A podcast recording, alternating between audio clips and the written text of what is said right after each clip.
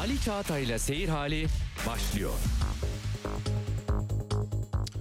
Radyo Sputnik'te seyir halindesiniz. İstanbul 97.8, Ankara 96.2, İzmir 91.0, Bursa 101.4 ve Kocaeli 90.2 frekansından bizi dinleyebilirsiniz.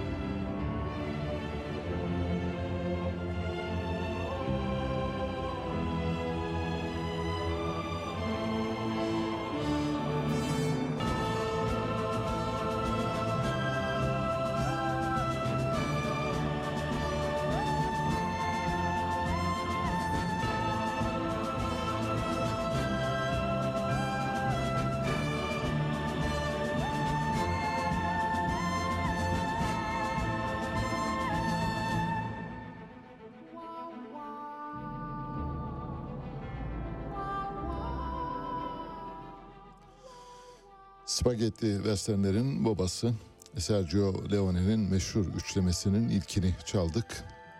İyi, kötü ve çirkinin müziğiydi. Ve Sergio Leone'nin bu filmlerinin müziklerini yazan Ennio Morricone'nin belki de eserlerini en iyi yorumlayan Danimarka Senfoni Orkestrası'ndan dinliyoruz. Şu anda fonda dinlediğiniz iyi, kötü ve çirkin. Arkasından bir avuç dolar ve arkasından birkaç dolar içini de çalacağız. Ennio Morricone önemli bir müzisyen. Belki de sinema tarihinin en büyük müzisyenlerinden, film müzikleri bakımından tartışmasız bir numara kral ve western filmlerinin, spagetti western filmlerinin müziklerinin babası sayılabilir. 2020 yılında kaybettik Ennio Morricone'yi. Kendisi bir orkestra şefi, trompetçi, aynı zamanda besteci, aranjördü. Sinema ve televizyon için 400'den fazla teaser, 100'den fazla da klasik eser yazdı. Sergio Leone'nin A Fistful of Dollars'tan bu yana tüm filmlerini e, Giuseppe Tornatore'nin keza Sinema Paradiso filmini Cezayir Savaşı'nı Dario Argento'nun hayvan üçlemesini de keza aynı şekilde seslendiren ve müziğe döken yine Ennio Morricone. Bir zamanlar Amerika yine Sergio Leone filmi The Mission, Untouchable Dokunulmazlar, Mission to Mars gibi filmler, Ateş Hattı'nda gibi filmler yine onun müzikleriyle anlam kazandı. Müziklerdeki kurgulamadan öte yeni yaratımlar var. Mesela orkestralara yepyeni enstrümanlara soktu. Tekil, unik, benzersiz, daha önce hiç denenmemiş müzik aletlerini koydu. Onlarla birlikte çaldı. Bazı enstrümanlar, yeni enstrümanlar kullandı. Belki de bir daha bir başka orkestrada kullanılamayacak enstrümanlardan bahsediyoruz. Arada duyduğunuz sesler vardı. iyi kötü çirkinde. Doğadan haykırışlar ve hayvan seslerini de içeren ya da onlarla benzeşen seslerdi. O seslerin sahibi de bir mezzo soprano. Onu da birazdan bahsedeceğiz. Tuva Semings'ten. Tuva Semings'ten benzersiz bir ses. Aynı zamanda büyük bir mezzo soprano. Ennio Morricone ilk bestelerini 6 yaşındayken yazdı. Radyo dramalar için fon müziği yazarak popülerlik kazandı. Oradan sinema müziklerine geçti. 1950'de Mamma Bianca adlı parçayı düzenledi ve bu onun çıkış parçası oldu. Arkasından radyo yayıncılığıyla kendini gösterdi. 1963'te besteci Paul Anka tarafından 1964'teki Sanremo Festivali'nde ilk kez seslendirilen bir şarkı olan Volta yani Evertime'ı şiiri besteledi ve büyük bir çıkış yakaladı. Dünya çapında bu bestesi 3 milyondan fazla sattı. 1966'da iyi kötü çirkini, çirkini yazdı Sergio Leone için. Arkasından Once Upon a Time in the West Sergio Leone'nin meşhur kült sineması. Yine arkasından The Mission'ı yazdı. Mission için film yazdı. Untouchable için film müzikler yazdı.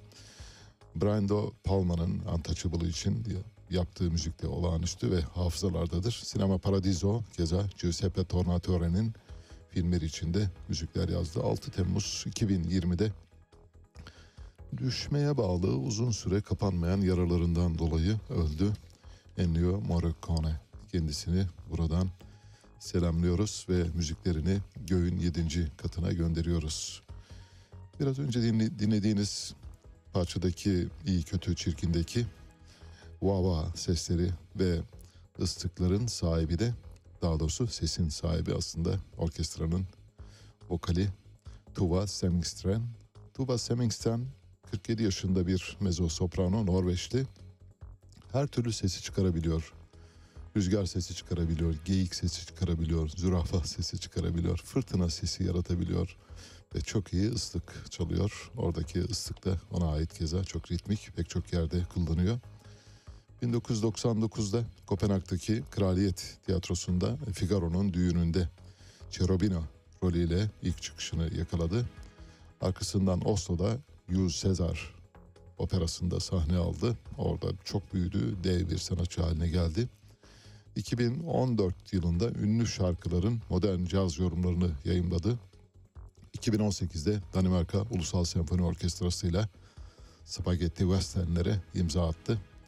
Ve orkestrayı da birazdan bahsedeceğimiz Sarah Hicks yönetti. Üçü de apayrı karakterler. Yani Sergio Leone'yi bir, bir kenara koyuyoruz. Ennio Morricone, Tuva Semmingsten ve elbette Sarah Hicks. Sarah Hicks'i sahnede izleyenler varsa ben de canlı izleyemedim ama videolarından ve konserlerinden tanıyorum. Müthiş bir orkestra şefi. Sarah Hicks bir Japon baba ve evet Japonya doğumlu bir Amerikalı aslında öyle demek lazım. 51 yaşında. Orkestrayı çok iyi yönetiyor. Ve Danimarka Senfoni Orkestrası da öyle kolay yönetilebilecek orkestralardan değil. İçinde çok özgün sazlar var. Dediğimiz gibi Ennio Morricone'nin geliştirdiği ilk kez kullanılan enstrümanları kullanabilme ve onları yönetebilme becerisini gösteren bir orkestra şefi Sarah Hicks. Tokyo'da Richard ve Kazuko Hicks'in çocuğu olarak dünyaya geldi. Babası Amerikalı bir avukat. Annesi klasik bir Japon dansçısı. Honolulu'da büyüdü. Honolulu bildiğiniz gibi Japonların Amerikalılar için fuhuş adası olarak bilinir. Eğlence mekanı. Yani Hawaii'den önceki mekanı demek lazım. Bu Honolulu'da viyolacı ve piyanist olarak eğitim gördü. Arkasından misafir şef olarak Philadelphia Orkestrası'nı, Chicago Senfoni Orkestrası'nı, San Francisco Senfoni Orkestrası'nı, Atlanta Senfoni'yi, Florida Orkestrası'nı, Los Angeles Filarmoni'yi, Milwaukee Senfoni Orkestrası'nı, Detroit Senfoni Orkestrası'nı, Ulusal Senfoni, Amerikan Ulusal Senfoni Orkestrası'nı, Des Moines Senfoni'yi, Las Vegas Filarmoni'yi, Danimarka Ulusal Senfoni Orkestrası'nı ve Kore, Güney Kore Filarmoni Orkestrası'nı, Slovakya Devlet Opera Tiyatrosu'nu keza yönetti. Tokyo'da da yeni ulusal tiyatroda orkestranın başındaydı her zaman olduğu gibi. Ennio Morricone'nin en iyi çalıştığı orkestra şeflerinden biriydi. Bir üçlü dörtlü olarak Sergio Leone, Ennio Morricone, Tuva Semmingsten, mezzo soprano ve orkestra şefi Sarah Hicks. Müthiş bir şölendir Sarah Hicks'i sahnede izlemek. Yani orkestrayı bir yana bırakın. Mesela Sarah Hicks'i izleyin. O zaman müziğe ne kadar kendini verdiğini ya da müzik için yaratılmış bir insan olduğunu anlama imkanı olacak. Başlıyoruz. Güney Kore'de elin bir hadise var.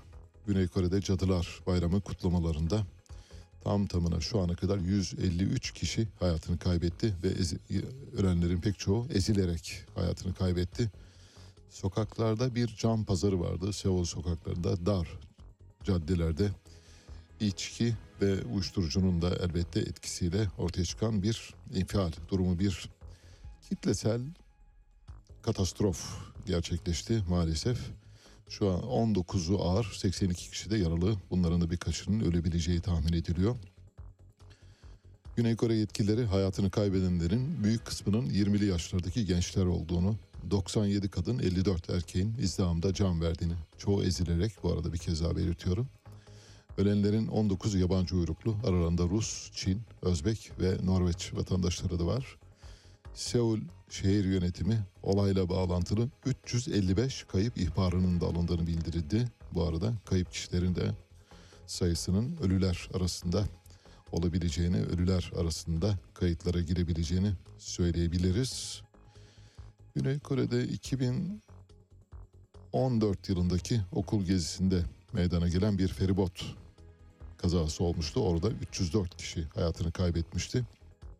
O kazadan bu yana belki de Güney Kore'nin gördüğü en büyük faciadan bahsediyoruz. Şu anda 153 kayıplarla ve yaralılarla birlikte düşündüğümüzde muhtemelen Güney Kore tarihinin en büyük kitlesel faciasını görmüş olacağız maalesef diyoruz. Cadılar Bayramı nedir derseniz Cadılar Bayramı kökenlerini pagan geleneklerden alan sonrasında Hristiyan gelenekleri arasına da yerleşmiş bir tür bayram.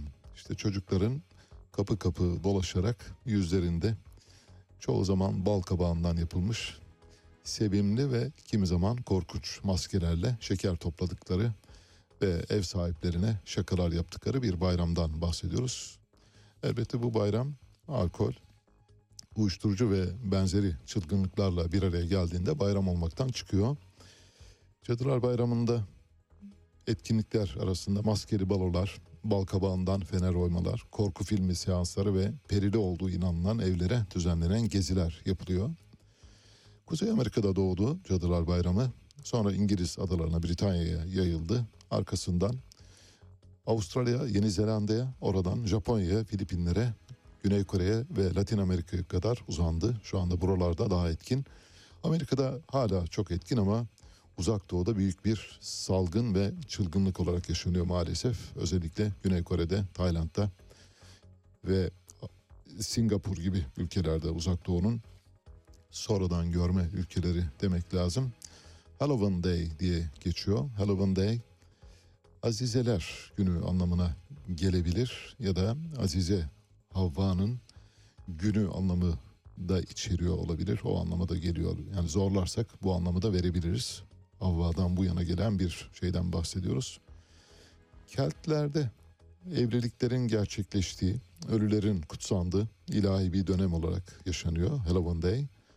Ölülerin ruhlarının geçmişte yaşadıkları evleri ziyaret ettiğine inanılıyor keza. Tepelerin üzerlerinde evlerdeki ocakları tutuşturarak aynı zamanda kötü ruhları uzak tutmak için ateşler yakılıyor. Biraz böyle hafif şamanistik ögeler var işin içinde. Zaten pagan geleneği de oradan paganlık, şama, şamanlığın bir uzantısı. İnsanlar ortalıkta dolaştığına inandıkları ruhlara tanınmamak için maskeler takıyorlar. Kostümler giyiyorlar ve geleneksel e, goblinler, periler ve iblislerle kendilerini özdeşleştiriyorlar. Cadılar Bayramı'nın sembolü gülen bir bal kabağıdır aslında. Yani önce sevimli bir ögeden yola çıkıyor. Bal kabağının içi boşaltılıyor, gülen bir surat şeklinde oyuluyor. Bir mum yakılarak şeytani bir surat oluşturmaya çalışılıyor. Kabak yerine bazı yerlerde şalgam da kullanılır.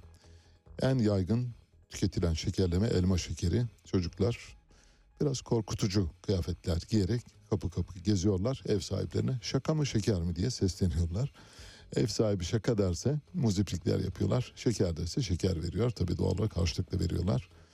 Uygulamanın geçmişte Britanya'da yoksulların kapı kapı dolaşarak ruh keki toplaması geleneğidir.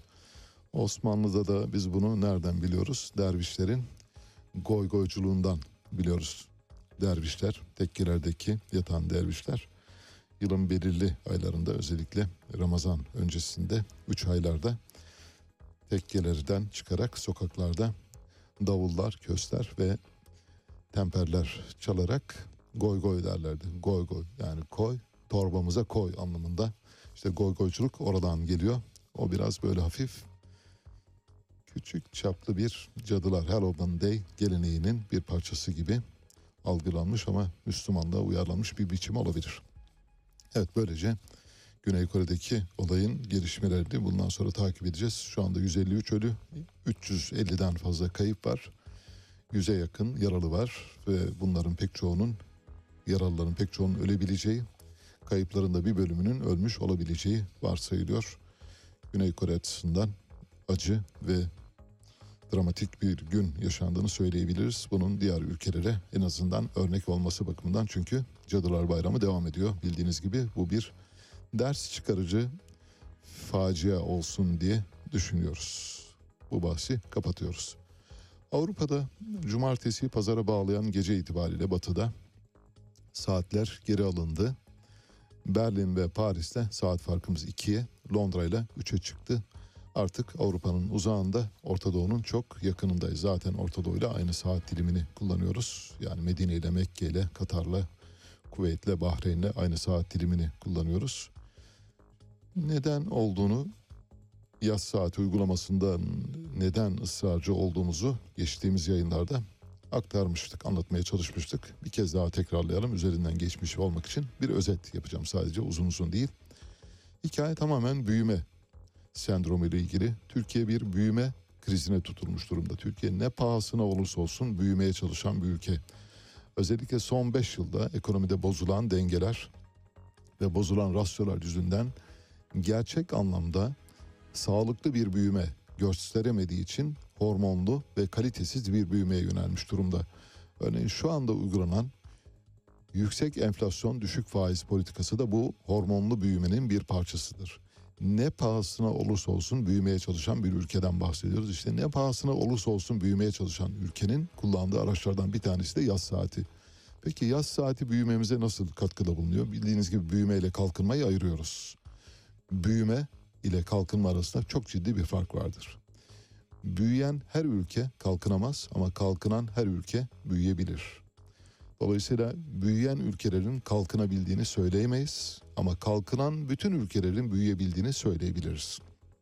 Türkiye sadece büyümeyi odağına aldığı için kalkınamayan ama hormonal olarak büyüyen, olduğu yerde şişen bir balon gibi adeta patlama noktasına giden bir ülke görünümünde yüksek bir büyüme rakamı çıkacak. Yıl sonu itibariyle %5'in üzerinde bir büyüme gelebilir.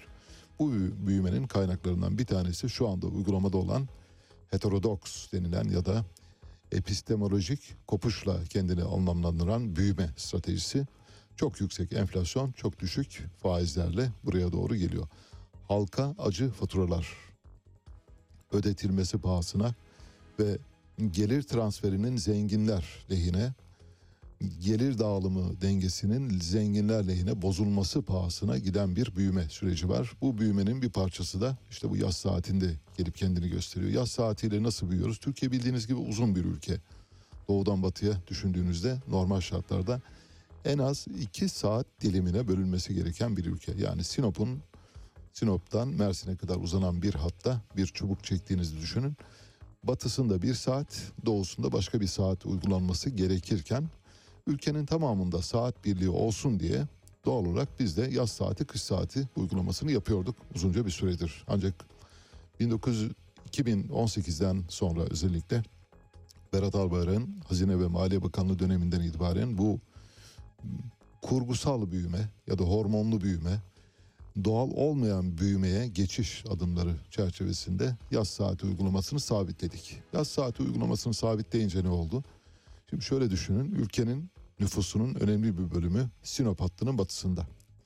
Ülkenin sanayisinin de çok önemli bir bölümü yine Sinop hattının batısında.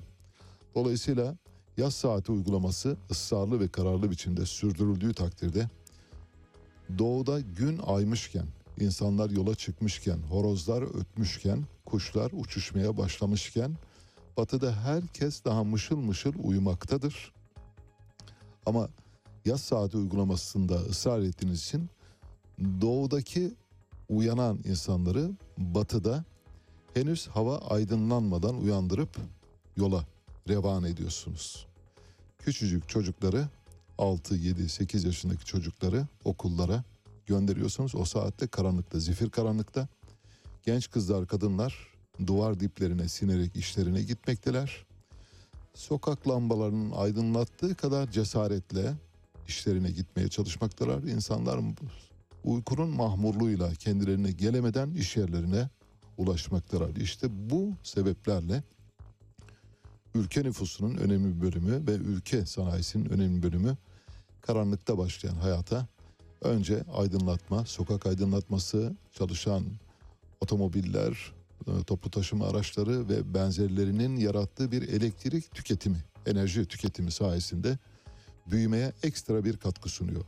Büyüme içindeki bileşenlere baktığımızda Türkiye'de enerji tüketiminin büyüme bileşenleri arasında 2018'den bu yana çok önemli bir yer tuttuğunu görebilirsiniz. Bu ne demek?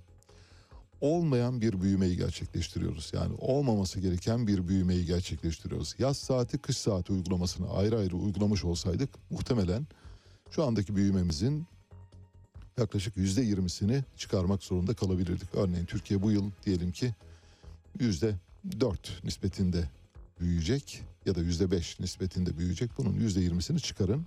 İşte o yüzde yirmisi yaz saati uygulamasına aittir. Karanlıkta işe giden çocukların, kadınların, işçilerin, çalışanların yüzü su hürmetine ortaya çıkan bir büyümeden bahsediyoruz. Bir inat.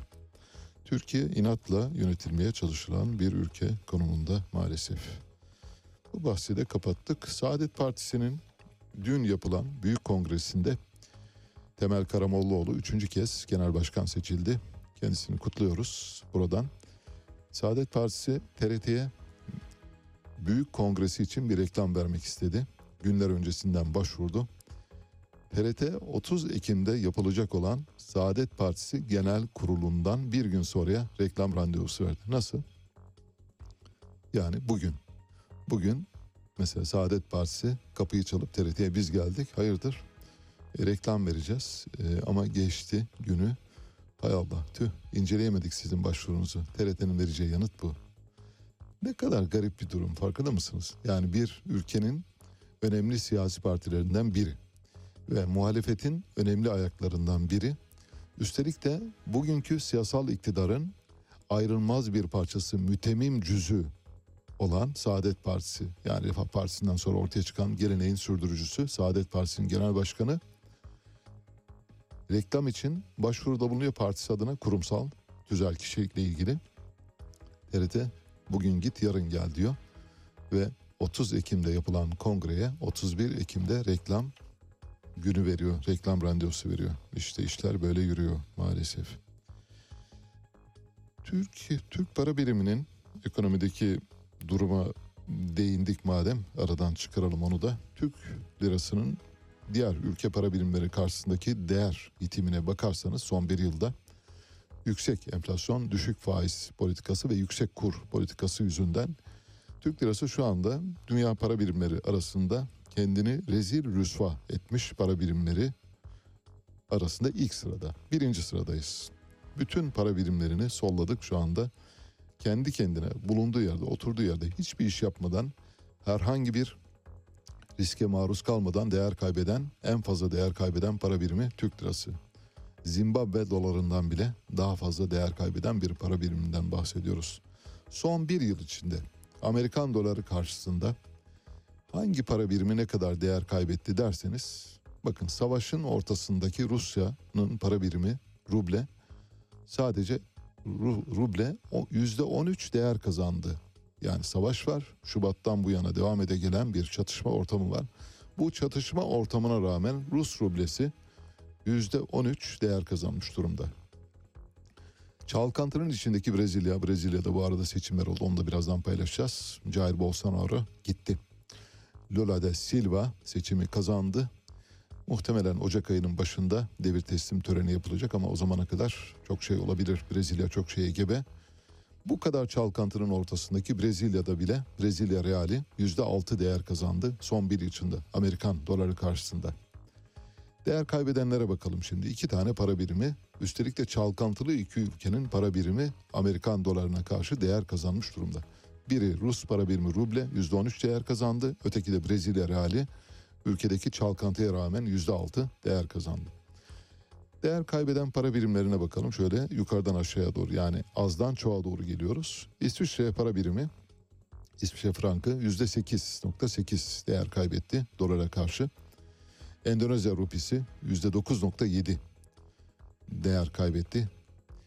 Hindistan rupisi %9.8 değer kaybetti. Kanada doları %9.8 değer kaybetti. Çin yuanı %13 değer kaybetti. Avustralya doları %14.7 değer kaybetti. Euro %15. Güney Afrika randı ya da Güney Afrika zarı %19 değer kaybetti. Güney Kore wonu %21 değer kaybetti. Japonya yeni %29. Pakistan parası %29. Ukrayna hrivnası da %39 değer kaybetti. Türkiye açık ara birinci. Ukrayna'dan sonra uzun bir kesinti araya giriyor. O uzun kesintiden sonra Türkiye geliyor. Yüzde 93. Türk lirası son bir yılda Amerikan doları karşısında en fazla değer kaybeden para birimi. Yüzde 93 neredeyse yüzde yüz demektir. Yani bir yılda paramızı sıfırlamış olduk. Bu da ülkenin nasıl yönetildiğini ortaya koyan en temel gösterge. Hiçbir şeye bakmayın. Sadece buna bakarsanız Enflasyonu, faizleri, şunu bunu, ihracatı, ithalatı falan her şeyi bir kenara atın. Her şeyi bir kenara attıktan sonra Türk para biriminin yüzde 93 değer kaybetmesinin ne anlama geldiğini size soruyoruz. Yüzde yüz değer kaybetmişiz yani sıfırlamışız ve fakirleşmişiz. Yoksullaştık bu süre içinde. Bozulan iki uluslararası ilişki var. Türkiye yavaş yavaş yeniden çarşafa dolanmış vaziyette. Çarşafa sardı. Önce Rusya ile aramız bozuluyor tekrar. Arkasından Mısır'la bozulan bir ilişki var. Her iki ülkeyle de aramızın son birkaç yıldır çok iyi olduğunu biliyorsunuz. Özellikle Mısır'la General ya da Mareşal Abdülfettah el Sisi'nin göreve gelmesinden sonra kesilen ilişkilerimiz yeniden kuruldu. Şimdi bu ilişkiler yeniden bozulma noktasına geldi. Bunların hepsi Türkiye'nin yanlış politikaları yüzünden kendi kendine bozulan ilişkilerden bahsetmiyoruz. Yani muhataplarımız bize karşı hasmane davrandığı için değil biz kendi kendimize bazı sorunlar icat ettiğimiz için ilişkilerimizi bozuyoruz. Şimdi ilişkilerden bozulanlardan bir tanesi Rusya ile tahıl koridoru. Rusya dün tahıl koridoru anlaşmasını askıya aldığını açıkladı. Tahıl koridoru anlaşması biliyorsunuz süreli bir anlaşmaydı. Bu süreli anlaşma dün itibariyle Rusya tarafından anlaşma ihlal ediliyor. Gelişmekte olan ve geri kalmış ülkelere yaptığımız sevkiyat yerine ulaşmıyor. Afrika'nın zor durumdaki ülkelerine yapılan sevkiyat devede kulak kaldı. Buğday ve hububat gelişmiş ülkelerin ambarlarını dolduruyor. Biz bu anlaşmayı bunun için yapmamıştık dedi. Bu bir. iki Rusya dolu gidip boş gelen gemilerle silah ticareti yapıldığını tespit etmiş durumda. Bu silah ticaretinde NATO payandalı ülkelere gönderildiğini söylüyor Rusya. Sosyal medyada yazan, çizen Milena adında bir kişi var. Josephine gazeteci Saiki ile yazıyor. Çok güzel şeyler yazıyor. Ben ta- takip ediyorum kendisini. Aynen onun yazdıklarını paylaşacağım. Şöyle diyor. Rusya Federasyonu Savunma Bakanlığı iki nokta üst üste. Ukrayna'nın Nikolaev bölgesindeki Okachov şehrinde bulunan İngiliz donanması temsilcileri Kuzey Akım 1 ve Kuzey Akım 2 doğalgaz boru hatlarını baltalamak amacıyla 26 Eylül'de Baltık Denizi'nde gerçekleştirilen terör saldırısının planlanmasının tedarik edilmesinin uygulanmasında yer aldı. Aynı İngiliz uzmanlar Sivastopol'e yönelik saldırının hazırlıklarını da denetledi. Ukrayna 73. Deniz Operasyonları Özel Merkezi'nin personelini eğitti diyor. Bu birinci kısmı. Birinci kısmında Kuzey Akım 1 ve 2 boru hatlarına yönelik sabotajın kaynağının İngiliz kaynaklı olduğunu belirtiyor Rus istihbaratı. Tahıl Koridoru Anlaşması ile ilgili de şöyle yazıyor. Dünya pazarlarına gıda ve gübre tedariği sorununu çözmek üzere 22 Temmuz'da İstanbul'da bir belge paketi imzalandı hatırlayacaksınız. İlk belge Kiev'in kontrolündeki Karadeniz limanlarından tahılın çıkarılmasına yönelik bir mekanizmanın ana hatlarını çiziyordu. Rusya, Türkiye, Ukrayna ve Birleşmiş Milletler tarafından İstanbul'da kurulan Ortak Koordinasyon Merkezi silah kaçakçılığını önlemek ve provokasyonları bertaraf etmek amacıyla özel bir koridoru takip edecek olan tahıl yüklü gemileri denetlemeyi amaçlıyordu. Anlaşma 120 günlük bir süre için yapıldı ve Kasım ayının ikinci yarısında sona erecekti. Ayrıca Rusya ve Birleşmiş Milletler arasında tarım ürünleri ve gübre ihracatını engelleyen Rusya karşıtı kısıtlamaların kaldırılmasına yönelik çalışmalara Dünya Birleşmiş Milletler Örgütü'nün katılımını öngören bir memorandum imzalandı. Anlaşma 3 yıllık bir süre içindi. Rus yetkililer tahılın ağırlıklı olarak buraya dikkat ağırlıklı olarak en yoksul ülkelere gitmesi gerektiği yönünde anlaşmaların uygulanmadığına defalarca dikkat çekti. Rusya Dışişleri Bakanlığı 26 Ekim itibariyle Birleşmiş Milletler verilerine dayanarak 390 geminin Karadeniz'deki insani yardım koridorunu kullanarak Odessa, Yuzny ve Çernomersk limanlarından yaklaşık 8.9 milyon ton gıda çıkardığını açıkladı. Aynı zamanda tüm teslimatların yarısı Avrupa Birliği, dikkat edin 8.9 ton milyon ton gıdadan bahsediyoruz. 390 gemiden bahsediyoruz. Yarısı Avrupa Birliği, İngiltere, İsrail ve Güney Kore'ye gitti.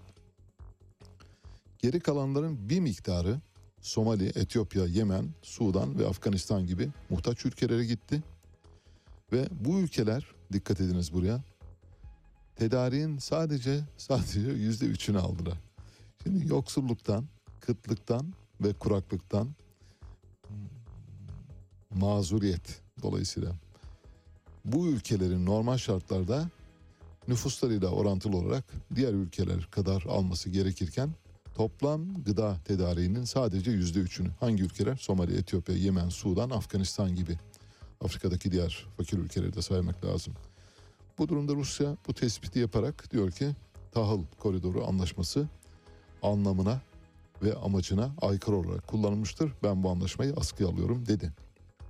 Gıda anlaşmasının Rusya kısmına gelince Moskova defalarca memorandumun uygulanmasındaki zorluklara dikkat çekmişti. Özellikle gıda ve gübre taşıyan Rus gemileri yaptırımlar nedeniyle Avrupa limanlarına kabul edilmiyor. Sigorta konusunda ciddi sorunlar yaşanıyor. Şimdi Rus gemilerini istediğiniz yere gönderiyorsunuz. Avrupa limanlarına gelmesine izin vermiyorsunuz. Giden gemiler hangileri? Ukrayna gemileri.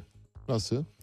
Tahıl koridoru aslında Rusya ve Ukrayna gemilerinin tahıl taşıması için geliştirilmiş bir formülasyon üzerine kuruldur ama giden gemilerin çok önemli bölümü Ukrayna gemileri. Nereye gidiyor? Gelişmiş ülkelere. Amaç neydi? Geri kalmış ve yoksul ülkelere gitmesi yönündeydi ve gemilerin birebir neredeyse bir Rus gemisi bir Ukrayna gemisi olacak şekilde gitmesi gerekirken gemilerin pek çoğunun Ukrayna gemisi olduğu ortaya çıkıyor. Rus gemilerine izin verilmiyor. Rus gemilerine bir sürü gümrük tarife dışı engeller çıkarılıyor. Belgelerin eksik. Yükünde sorun var. Bu yükünün tahlillerini yapacağız diye günlerce bekletiliyor. Dolayısıyla Ruslar da gemilerini bir süre sonra göndermez oldular. 14 Ekim'de Putin Kırım Köprüsü'ne yönelik saldırıda kullanılan patlayıcıların Odessa'dan bir tahıl gemisiyle götürüldüğünün doğrulanması halinde Moskova'nın Ukrayna, Türkiye ve Birleşmiş Milletler ve Karadeniz üzerinden gıda ihracatına ilişkin anlaşmayı uzatmayı reddedeceği uyarısında bulunmuştu 14 Ekim'de. Çünkü bir tahıl gemisiyle patlayıcılar gönderiliyor Odessa'dan ve bu patlayıcıların köprünün köprüye yönelik e, Kerç Boğazı'ndaki köprüye yönelik saldırıda kullanıldığı tahmin ediliyor Rusya tarafından. Rus tarafının Ukrayna limanlarından tarım ürünlerinin ihracatına ilişkin anlaşmaların uygulanmasına katılımını askıya aldığını açıkladı. Böylece Savunma Bakanlığı'na göre saldırı gemilere 9 insansız hava aracı ve 7 otonom deniz uçağı kullanılarak gerçekleştirildi. Rusya Dışişleri Bakanlığı tarafından yapılan açıklamada ürün anlaşmasının uygulanması Moskova tarafından 29 Ekim itibariyle süresiz olarak askıya alınmıştır. Bu yöndeki talimatlar ortak koordinasyon merkezindeki Rus temsilciye verilmiştir. Geçmiş olsun. Rusya böylece bu anlaşmadan çekilince Türkiye bir şeyi daha eline yüzüne bulaştırmış oldu. Neden Türkiye eline yüzüne bulaştırmış oldu? Çünkü bu işin kontrolü öncelikli olarak Birleşmiş Milletler'e ait. Birleşmiş Milletler'in altında da Türkiye'ye ait. Dolayısıyla Türkiye anlaşmayı ihlal edenlere seyirci kalmıştır. Anlaşmayı ihlal edenlere seyirci kaldığı için de büyük umutlarla gündeme getirilen ve büyük hayaller kurduğumuz tahıl koridoru böylece şimdilik akamete uğramış durumdadır. Muhtemelen bir süre sonra müzakereler yapılacaktır ve Rusya ile ilgili bir orta yol bulunacaktır. Ancak Türkiye'nin bu eline yüzüne bulaştırdığı son iş değil. Türkiye başka bir şey daha eline yüzüne bulaştırdı. O başka şeylerden bir tanesi de Mısır. Mısır'la bildiğiniz gibi Müslüman kardeşlerin temsilcisi Mursi'nin seçimle iktidara gelen Mursi'nin General Mareşal Abdülfettah El Sisi Mısır ordu komutanı tarafından darbeyle devrilmesinden sonra Türkiye ilişkilerini dondurmuştu Mısır'la. Sonra Doğu Karadeniz'de ve Akdeniz'de affedersiniz Akdeniz'de gaz ve petrol arama, hidrokarbon arama faaliyetleri çerçevesinde Mısır'la yakınlaşmamız gerektiğini telkin etti. Dışişleri ve Savunma Bakanlığı. Bunun üzerine Dışişleri ve Savunma Bakanlığı telkinleri doğrultusunda Mısır'la yakınlaştık. Ancak dün itibariyle Mısır Libya meselesini gerekçe göndererek Türkiye ile normalleşme sürecini durdurdu. Nasıl? İki tane güzel işimiz vardı. Bir tanesi Rusya ile tahıl anlaşması, öteki de Akdeniz'de doğalgaz ve petrol araması için en büyük müttefik olarak yanımıza aldığımız Mısır. İkisini de şu anda küstürmüş durumdayız. El Arabiya televizyonla konuşan Mısır Dışişleri Bakanı Semih Şukri, Mısır'la Türkiye arasındaki diyaloğun Ankara'nın Libya politikalarını değiştirmeye dair hiçbir işaret göstermemesi nedeniyle durduğunu söyledi. Bildiğiniz gibi biz orada farklı bir akımı destekliyoruz. Yani tüm dünyanın tersine orada bir iş yapıyoruz. Geçen yıl Mısır'la Türkiye arasında ikili düzeyde bölgesel bağlamda ilişkileri normalleştirmek için gerekli adımları tartışmak üzere istikşafi istişare turları düzenlenmişti. Mısır Dışişleri Bakanı Şükri ancak diyalog Türkiye'nin Libya'daki uygulamalarında bir değişiklik olmaması nedeniyle iki turdan sonra durdu dedi. Mısır-Türkiye ilişkileri 2013'te Muhammed Mursi liderliğindeki Müslüman kardeşlerin yani İhvan, İhvan-ı Müslümin hareketinin halk ayaklanmasını müteakip ordu tarafından devrilmesi üzerine Ankara Sisi yönetimine karşı İhvan'ı açıkça desteklemeye devam etti. Ve Cumhurbaşkanı Erdoğan'ın ısrarıyla bu uzunca bir süre bugüne kadar geldi. Sonra baktık ki olmuyor. Mısır'la tekrar ilişkileri düzeltmeye karar verdik. 14 Nisan'da Dışişleri Bakanı Mevlüt Çavuşoğlu iki ülke ilişkilerinde yeni bir dönemin başladığından karşılıklı ziyaret ve görüşmelerin yapılabileceğinden söz etti. Ancak Dışişleri Bakan Yardımcılarının yaptığı görüşmelerin ardından görüşmelerde iyileşmeye dair en ufak bir ilerleme kaydedilemedi. Biz böylece yeniden Rabia işareti yapmaya başladık bugünden itibaren. Rabia'yı kaldırıyoruz yukarıya doğru. Rabia yukarı, piston aşağı. Türkiye çok şey kaybediyor bu süreç içinde. General ya da mareşal bildiğiniz gibi Mısır ordusunda çok sayıda mareşal var. Mareşallik Mısır ordusunda peynir ekmek gibi dağıtılıyor. Öyle bir şey var, geleneği var. Ordunun geleneğinden kaynaklanan bir durum elbette. General Abdülfettah El Sisi tam adıyla Abdülfettah Said Hüseyin Halil El Sisi. Mareşal Sisi 12 Ağustos 2012'de Mısır Silahlı Kuvvetleri'nin genel komutanı oldu ve o dönemde Mursi vardı yönetimde yani Cumhurbaşkanı Mursi'ydi. 3 Temmuz 2013'te Mısır Cumhurbaşkanı Muhammed Mursi devirdi Mareşal Sisi ve arkasından bir seçime gidildi. Seçimde halkın yüzde kırkı katıldı. Seçime katılan halkın yüzde kırkının yüzde doksan yedisinin oyun alarak Cumhurbaşkanı seçildi. Nasıl? Şahane. Bir Amerikan ütopyasının gerçekleşmesidir. Amerikan ütopyası sadece orada mı gerçekleşiyor? Hatırlayınız Türkiye'de de 1980 askeri darbesini yapan Kenan Evren'de aşağı yukarı Abdülfettah El Sisi'nin orduda izlediği bu kademelerden geçerek tesadüfler yardımıyla ordu komutanlığına kadar yükselerek darbe yapmıştı ve o darbeden sonra da neler olduğunu yine 12 Eylül 1980-81 anayasasının keza büyük bir çoğunlukla geçtiğini biliyoruz. Seçime katılma oranının ne olduğunu bilmiyorum bile merak da etmiyorum doğrusunu söylemek gerekirse. General Sisi elbette biliniyor ancak ben merak etmiyorum o bakımdan söylüyorum. General Sisi 1977'de uzmanlık alanı olan tank savar sistemleri ve havan topu sistemleri olmak üzere mekanize bir piyade taburunda göreve başladı. Kenan Evren de bir topçu subayıydı bildiğiniz gibi. Mısır Silahlı Kuvvetleri Yüksek Konseyi'nin en genç üyesiydi. 12 Ağustos 2012'de Mısır Cumhurbaşkanı Muhammed Mursi, Mısır Silahlı Kuvvetler Genelkurmay Başkanı Muhammed Hüseyin Tantavi yerine bakın ne kadar benziyor. Birazdan Kenan Evren'in hikayesini anlattığımda diyeceksiniz ki tıpkı böyle karbon kopya almışsınız buradan kısa yolla getirmişsiniz mouse'u üstüne koymuşsunuz. Tıpkı çok benziyor. O kadar benziyor ki anlatamam size. Çünkü bu bir Amerikan planı. General Mareşal El Sisi'yi Mısır'da iktidara getiren Amerika Birleşik Devletleri'dir. Mursi'den istediği sonucu alamayınca ülkenin milli ordusuna darbe yaptırarak yönetimi değiştirmiştir. Bunu nereden hatırlıyoruz? John Perkins'in Bir Ekonomik Tetikçinin İtirafları kitabından hatırlıyoruz. Ne diyor? Birinci aşama ülkenin mali kaynaklarının sömürülmesidir ve bunun için ülke yöneticilerinin ikna edilmesidir. İkinci aşama ülke yöneticileri ikna edilemediği takdirde ülkedeki önemli kişilere yönelik suikastler tertiplenerek ülkede kargaşa, kaos ortamı yaratılır. Bu da sonuç vermese ülkenin milli ordusu darbe yaparak yönetimi ele geçirir. Ülkenin milli ordusu darbe yapacak kadar güçlü değilse Amerikan çizmeleri bizatihi gelir o ülkenin topraklarına basar Irak'ta olduğu gibi ve ülkeyi ezer geçer diyordu. İşte aynı şey burada gerçekleşiyor.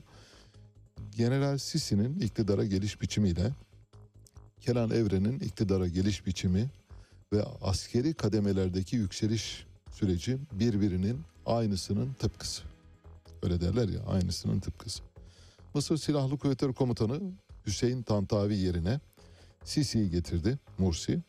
Sisi Bakanlar Kurulu'nda savunma bakanı olarak görev üstlendi. 2014 tarihinde Mareşalliğe yükseldi. Seçimlerde Cumhurbaşkanı'nın aday olabilmek için istifasını sundu. Ve dediğimiz gibi yapılan son seçimlerde halkın yüzde kırkının katıldığı seçimlerde yüzde 97 oy alarak seçimi kazandı. O tarihten bu yana işte o Sisi bugün Türkiye diyor ki oyunu bozdunuz sizinle artık oynamak istemiyorum. Bakalım Kenan Evren'in hikayesine. Kenan Evren Kara Kuvvetleri Komutanı dönemin Namık Kemal Ersun'un 1 Haziran 1977'de kanlı 1 Mayıs 1 Mayıs 1977 sonrasında darbe girişiminde bulunacağı iddiasıyla Süleyman Demirel tarafından 200 askerle birlikte resen emekliye sevk edildi. Sisi'den önceki Mısır Genelkurmay Başkanı'nın emekliye sevk edilmesi hikayesini hatırlayınız ve bu hikayeyi hatırlayınız şimdi. Kenan Evren böylece Genelkurmay Başkanlığı yoluna doğru ilerledi. Çünkü kendinden önceki ilk Genelkurmay Başkan adayı emekliye sevk edilmişti. Gelecekte Genelkurmay Başkanlığı olmasına kesin gözüyle bakılan Namık Kemal Ersun'un emekliye ayrılması Türk Silahlı Kuvvetleri içinde dengeleri bozdu. Kıdem geleneği alt üst oldu ve Genelkurmay Başkanı Semih Sancar'ın görevi bir yıl uzatıldı. Sonra Genelkurmay Başkanlığı bitti. Arkasından anlaşmazlık baş gösterdi. Dönemin Cumhurbaşkanı Fahri Korutürk, 1. Ordu Komutanı Adnan Ersöz'ü istedi. Dönemin Başbakanı Demirel'de, Süleyman Demirel'de 3. Ordu Komutanı Ali Fethi Esener'in yeni komutan olmasını istedi. Ancak ne Demirel'in dediği oldu ne de Fahri Korutürk'ün dediği oldu. Her iki komutan da emekli o sevk edildi. Yani hem Adnan Ersöz bakın 3 komutan Namık Kemal Ersun, Süleyman Demirel tarafından topluca emekliye sevk edilen 200 asker arasında. Arkasından Fahri Korutürk'le Süleyman Demirel anlaşamadığı için hem Adnan Erçöz hem Ali Fethi Esener emekli oluyor. Ve böylece dördüncü sırada hiç Genelkurmay Başkanı olma ihtimali bulunmayan sıfır. Sıfır. Sıfır ihtimali olan Genelkurmay Başkanı Kenan Evren Genelkurmay Başkanlığı koltuğuna oturdu. Mursi'nin Mısır'da iktidara gelişiyle Genelkurmay Başkanlığı'na Kenan Evren'in gelişi arasındaki benzerliğe ve paralelliğe dikkat çekelim. Amerikalılar bir işi yaparken hiçbir eksik bırakmazlar. Her şeyi harfi harfine çok planlı ve çok yerinde ve zamanında yaparlar. Türkiye'de 1980'de yaptıkları işi 2014 yılında Mısır'da yapabilme becerisini göstermişlerdir. Tabi oradan buraya doğru uzattık meseleyi iki hikaye arasındaki bağıntıyı göstermek bakımından ama mesele şuydu. Uzun bir aradan sonra Mısır'la ilişkilerimiz yeniden bozuldu. Artık bundan böyle Doğu Akdeniz'de ya da Akdeniz sularında doğalgaz, petrol, hidrokarbon arama hülyalarımızın da üzerine bir bardak soğuk su içelim buzlu olsun lütfen. Enflasyon bir armut gibi böyle olgunlaşıp daldan düşebilecek bir data değildir dedi. Şimdi fiyatlar düzeyi belli bir seviyeye kadar ulaştığında hepimizin günlük hayatında biz ne yapıyoruz? İşte bir bardak 10 lira, yarın 15 lira oluyor, öbür gün 20 lira oluyor. Siz eskiden altılı bir bardak alırken üçlüye dönüyorsunuz, ikiliye dönüyorsunuz. Talep burada azaldığında belki enflasyonun belli bir noktada durması sonucu oluşabilir. Enflasyon bir armut değildir. Olgunlaşıp dalından düşmesini beklemeyiniz değil mi? Bunu bir e, motto olarak yazmak lazım. Evet şimdi yavaş yavaş haberlere gideceğiz ama ondan önce küçük bir iki e, not paylaşacağım sizinle. Bir tane spordan Cristiano Ronaldo 21 milyon dolar karşılığında 2720 metrekare büyüklüğünde Portekiz'in en pahalı evini satın aldı diye bunu haber yapmışlar. Cristiano Ronaldo'ya hepsi helal olsun bütün hayatını futbola adamış ve bir futbol makinesi gibi çalışan ve yalnızca futbolu düşünen birisi olduğu için istediğini alabilir, istediği yerde oturabilir, istediği hayatı yaşayabilir. Öyle demek lazım. Şimdi yavaş yavaş haberlere gidiyoruz. Mehtap Yeni Doğan geliyor size. Danimarka Senfoni Orkestrası'nın seslendirdiği birkaç dolar için Sergio Leone'nin müthiş kült filmini Ennio Morricone'nin bestesiyle sunuyoruz.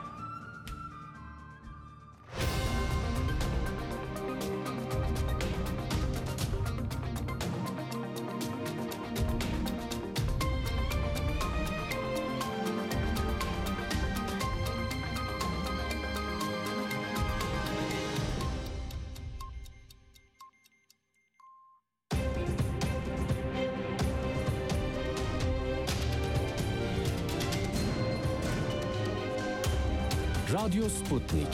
Anlatılmayanları anlatıyoruz. Bu sabahlar saatler 08'i gösteriyor. Gündemde öne çıkan başlıklarla sizlerleyiz. Ben Çağlar Öner, önce özetler.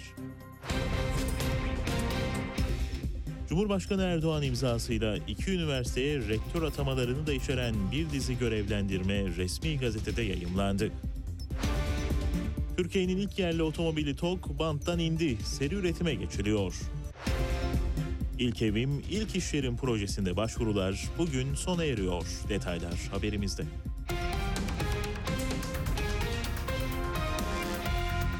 Cumhurbaşkanı Recep Tayyip Erdoğan'ın imzasıyla bazı büyükelçi ve daimi temsilcilerin görev değişikliğine ilişkin atama kararları resmi gazetede yayımlandı. Bakanlıklara, Adli Tıp Kurumu'na, Vakıflar Genel Müdürlüğü'ne, İletişim Başkanlığı'na ve Türkiye Taş Kömürü Kurumu'na atamalar yapıldı. İki üniversiteye de yeni rektör atandı. Buna göre Lokman Hekim Üniversitesi Rektörlüğü'ne Profesör Doktor Fatih Gültekin, İstanbul Gedik Üniversitesi Rektörlüğü'ne Profesör Doktor Ahmet Kesik atandı. Yerli otomobil TOG'un ilk modeli üretim bandından indi. Gemlik kampüsü açılış töreninde konuşan Cumhurbaşkanı Erdoğan, TOG'un satış ve çıkacağı tarihi açıkladı. Otomobilin ön satışı Şubat ayında başlayacak. Fiyatın da bu tarihte belli olması bekleniyor. TOG'u inşallah 2023'ün ilk çeyreğinin sonunda yollarımızda göreceğiz. Yeni nesil bir girişim olan TOG aracısız bir şekilde vatandaşlarımızla buluşacak. Tıpkı diğer yeni nesil araç üreticileri gibi TOG da satış işini dijital ve fiziksel deneyimi birleştirerek çözmeye karar ver. Vatandaşlarımız TOG siparişlerini Şubat'ta başlayacak ön satışla birlikte verebilecekler. Cumhurbaşkanı Recep Tayyip Erdoğan tarafından 13 Eylül'de açıklanan İlk Evim İlk İş Yerim projesi için başvurular bugün sona eriyor. Projeye başvurular bugün mesai bitimine kadar bankalar aracılığıyla yapılabilecek. İlk Evim Arsa projesi için başvurularsa 7 Kasım'da sona erecek. İlk Evim İlk İş Yerim projesine şu ana kadar 8 milyona yakın başvuru oldu. Resmi müracaatları tamamlanan talep sayısı ise 5 milyona yaklaştı. Ukrayna, Türkiye ve Birleşmiş Milletler delegasyonları tahıl koridoru kapsamında 31 Ekim günü 14 geminin hareket planı ve 40 gemiye yapılacak denetimler konusunda anlaşmaya vardı. Ortak Koordinasyon Merkezi tarafından yapılan açıklamaya göre Ukrayna, Türkiye ve Birleşmiş Milletler heyetleri 12'si Ukrayna'dan hareket edecek ve ikisi varacak olan 14 geminin hareket planı konusunda anlaştılar. Açıklamada Birleşmiş Milletler heyetinin Rusya'yı bilgilendirdiği ve tüm katılımcıların tahıl anlaşması kapsamında gemilerin güvenli geçişini sağlamak adına askeri ve diğer hükümet organları doğrultusunda eylemlerini koordine ettiği belirtildi. Cumhuriyet Halk Partisi Genel Başkanı Kemal Kılıçdaroğlu, Cumhurbaşkanı Erdoğan'a bir kez daha televizyonda tartışalım çağrısı yaptı. Kılıçdaroğlu, öyle kabadayılık 5-10 taraftarı bulup onların önünde bağırmakla olmaz. Kabadayıysan, Kasımpaşalıysan çıkarsın karşıma dedi. Televizyonlarım var, gazetelerim var. Yanına al bakanları, yanına al danışmanlarını, yanına al prompterını. Ne yaparsan yap. Tek başıma çıkacağım. Yüreği varsa gelsin karşıma. Çıkar mı? Ben de biliyorum çıkmaz. Ben de biliyorum. Öyle kabadayılık 5-10 taraftarı bulup onların önünde bağırmak da olmaz. Kabadayıysan, Kasımpaşalıysan çıkarsın karşıma. Devletin bütün imkanları sende. Üstelik diyorum bakanınla gel. Danışmanlarınla gel. Prompterınla da gel. Saadet Partisi'nin 8. olağan büyük kongresi Ankara'da gerçekleştirildi. Genel Başkan Temel Karamollaoğlu tek aday olduğu kongrede oyların tamamını alarak üçüncü kez genel başkan oldu.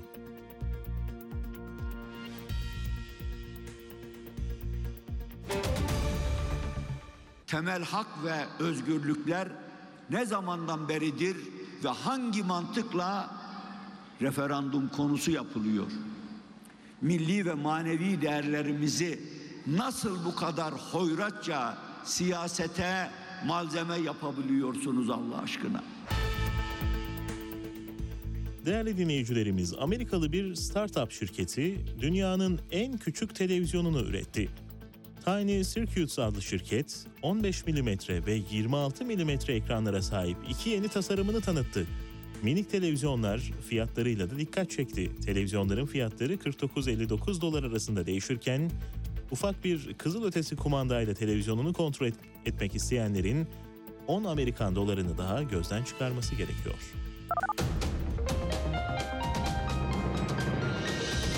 Ben Çağlar Öner. Bültenimizin sonuna geldik. İlerleyen bültenlerde görüşmek üzere. Hoşçakalın. Son dakika haberleri, canlı yayınlar, multimedya ve daha fazlası Sputnik Haber Ajansı'nın web sitesinde. Dünyanın küçük bir parçasını değil, tamamını anlamak istiyorsanız sputniknews.com.tr'yi tıklayın, habersiz kalmayın.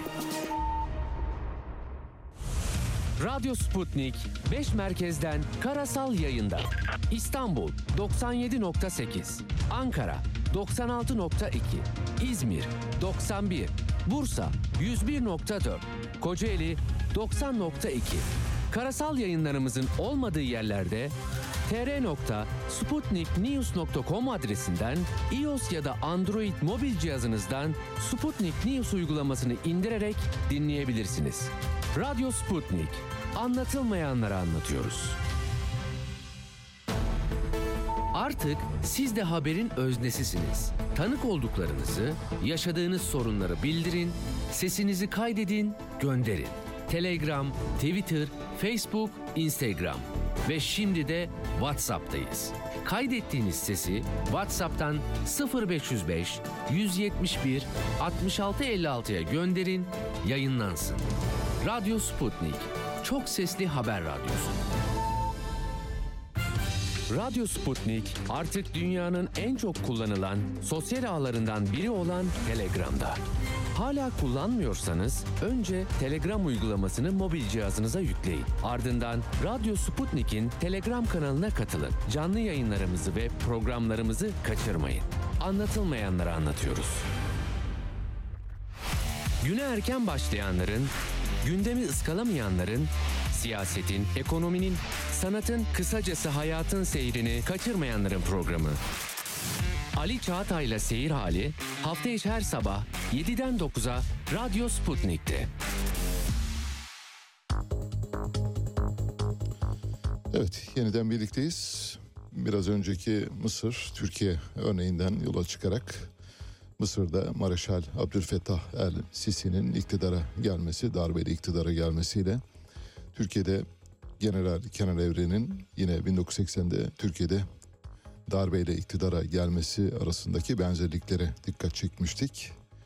Her ikisinin de Genelkurmay Başkanı olmaları sıfır ihtimale tekabül ederken her ikisi de Genelkurmay Başkanı olabilmiştir. Çünkü sıfır her zaman sıfır değildir. Sıfır çoğu zaman birden çok büyük rakamlara tekabül ediyor. İşte Amerika Birleşik Devletleri sıfırı daima sıfırdan daha büyük bir şeye dönüştürme becerisini gösterebilmiş bir organizmanın adıdır. Hafta sonu sizin için, sizin için ve tabii kendim için elbette Refah Partisi kapatma davasını okudum. İddianameyi, iddianame esas hakkındaki görüş, savunma, gerekçeli karar falan her şeyi kapsayan bir kitap, bir sahaftan bulduk. Tabii ben gazetecilik yaptığım yıllarda buna bu olaya bizatihi birebir tanıklık etmiş bir gazeteciyim.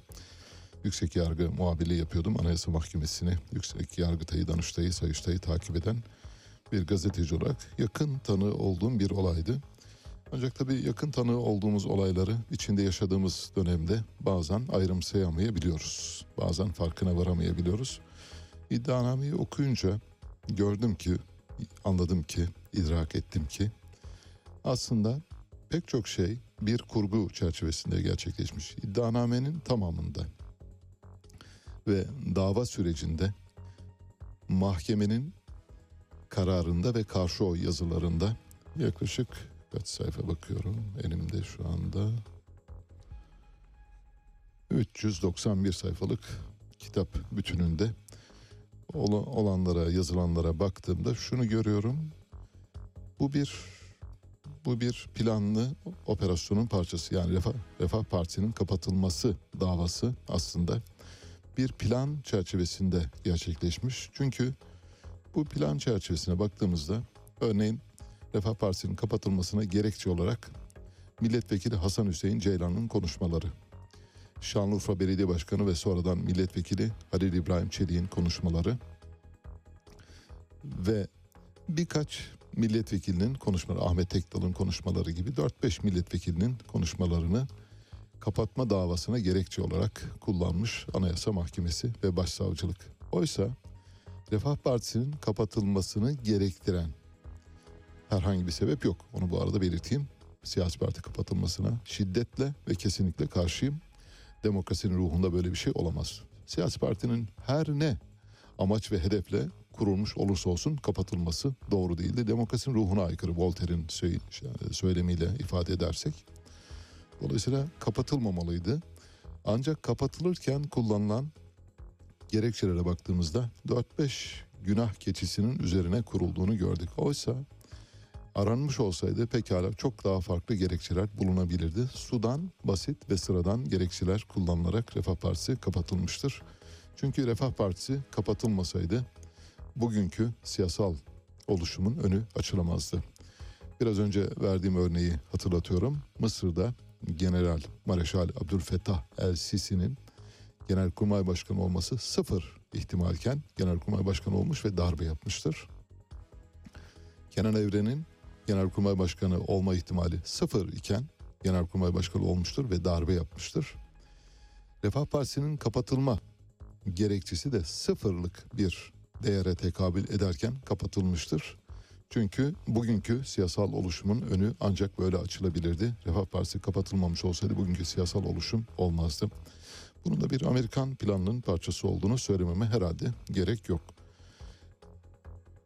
Kapatma davasındaki pek çok konuyu belki konuşabiliriz ama o kadar uzatmak istemiyorum. Sadece bir karşı oy yazısında üyelerden Yalçın Acargün böyle çok cevval bir üyeydi. Müthiş bir adamdı öyle söyleyeyim. iyi bir hukukçuydu. Onun bir karşı oy yazısında Atatürk'e ilişkin bir bölümü var. Onu paylaşacağım. Malum 29 Ekim'i geride bıraktık. Elbette 29 Ekim'e dönük bazı anıştırmalar, imalar yapacağım birazdan. Şöyle diyor Yalçın Acargün yazısında, karşı oy yazısında. Atatürk'ün benim milletim dindar olmalıdır. Çünkü İslam dini gelişmeye açık, ilme ve fenne en uygun olan dindir şeklindeki sözlerini bilmezden ve görmezden gelmektedirler. Asla bir din düşmanı olmayan Atatürk, Anadolu insanı tarafından en güzel şekilde yorumlanan ve uygulanan temiz İslami inançların Arap ve Fars örfünün İslam dininin üzeri örtülerek yörüngesinden saptırılmasına ve siyasete alet edilmesine şiddetle karşı olan bir insandır. Atatürk bir konuşmasında şöyle diyordu. Bizi yanlış yola sevk eden habisler. Bilirsiniz ki alelekser din perdesine bürünmüşler. Saf ve nezih halkımızı hep şeriat sözleriyle aldata gelmişlerdir. Tarihimizi okuyunuz, dinleyiniz. Görürsünüz ki milletimizi mahveden, esir eden, harap eden fenalıklar hep din kisvesi altında küfür ve melanetten gelmiştir. Yine Atatürk diğer bir konuşmasında diyor Yalçın Acargün, bundan sonra yalnız bir şey hatıra gelebilir. O da bazı politikacıların, haris menfaatperestlerin o vehim ve hayali uyandırmaya çalışması o yüzden tatmini hırs ve menfaat düşüncesinden ibarettir. Bütün mevcudiyetimle temin ederim ki bu gibiler her ne şekil suret ve vesileyle olursa olsun mevcudiyetlerini ihsas ettikleri gün Türk milletinin amansız kahrına hedef olmaktan kurtulamayacaktır. Artık Türkiye din ve şeriat oyunlarına sahne olmaktan çok ileridedir. Türkiye'de cumhuriyet vardır ve cumhuriyet perverler vardır. Bu mukaddes mevcudiyetleri tahrip edici unsurlar artık Türkiye havasını teneffüs edemezler diyor. Mustafa Kemal 1923 diyor Yalçın Acargün'ün karşı oy yazısından aldık. Atatürk'ün söylemi son derece yerinde sağlam ve dinamik bir kurguya sahip. Bunu biliyoruz. Bu arada hafta sonu bir başka kitabı daha bitirdim. O kitapla ilgili paylaşımımı önümüzdeki günlerde yapacağım. Üst üste iki kitap yüksek doz aşımı olmasın diye paylaşmıyorum. Şemdinli iddianamesini okudum. Bildiğiniz gibi Van Cumhuriyet Savcısı Ferhat Sarıkaya tarafından hazırlanan bir iddianame. İddianame Şemdinli'de bir kitap evine PKK'lı, daha önceden PKK'lı olduğu düşünülen, bilinen bir kişinin kitap evine bir grup muazzaf subay, as subay tarafından yapılan bombalı saldırı sonucu başlayan ve Şemdinli'de bir halk ayaklanmasına dönüşen olayların sonucunu ifade eden bir iddianame. Bu iddianamede Ferhat Sarıkaya dönemin Kara Kuvvetleri Komutanı sonradan Genelkurmay Başkanı olan Yaşar Büyükanıt'ın da yargılanması gerektiğini öne sürmüş ve Yaşar Büyükanıt'ı ifadeye çağırmıştır. İşte o tarihten sonra Ferhat Sarıkaya'nın ipi çekilmiştir. Hoş gerçi Ferhat Sarıkaya şu anda FETÖ'den içeridedir. 10 yıla hükümlü, 10 yılı e, ceza almıştır.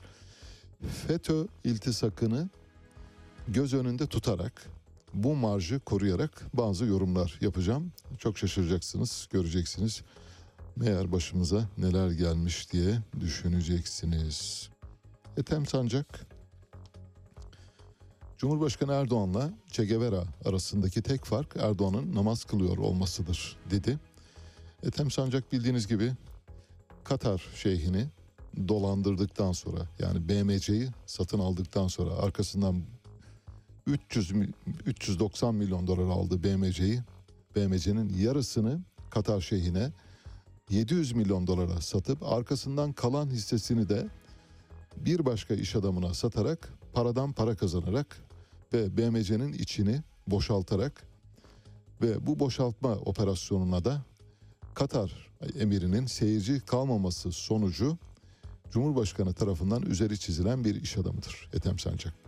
Ethem Sancak üzeri çizildikten sonra kendini Doğu Perinçek'in yanına attı. Doğu Perinçek şu anda iktidarın üç önemli ayağından biridir. Dört önemli ayağından biridir. Geçtiğimiz günlerde TOG yerli otomobilin töreni sırasında ellerini açarak namaz ve niyaz eyledi. Bildiğiniz gibi hayatında hiç e, semaya açılmış elleri var mıdır yok mudur bilmiyoruz ama şimdi bugünlerde Ethem Sancak'la Doğu Perinçek yan yana çünkü Ethem Sancak kendini Doğu Perinçek'in korumasına attı. Cumhurbaşkanı Erdoğan elinde kalan son varlığını da 3-5 kuruşunu da almasın diye şu anda Doğu Perinçek'in korumasına atmış durumda. Bu yüzden de böyle ileri geri laflar ediyor.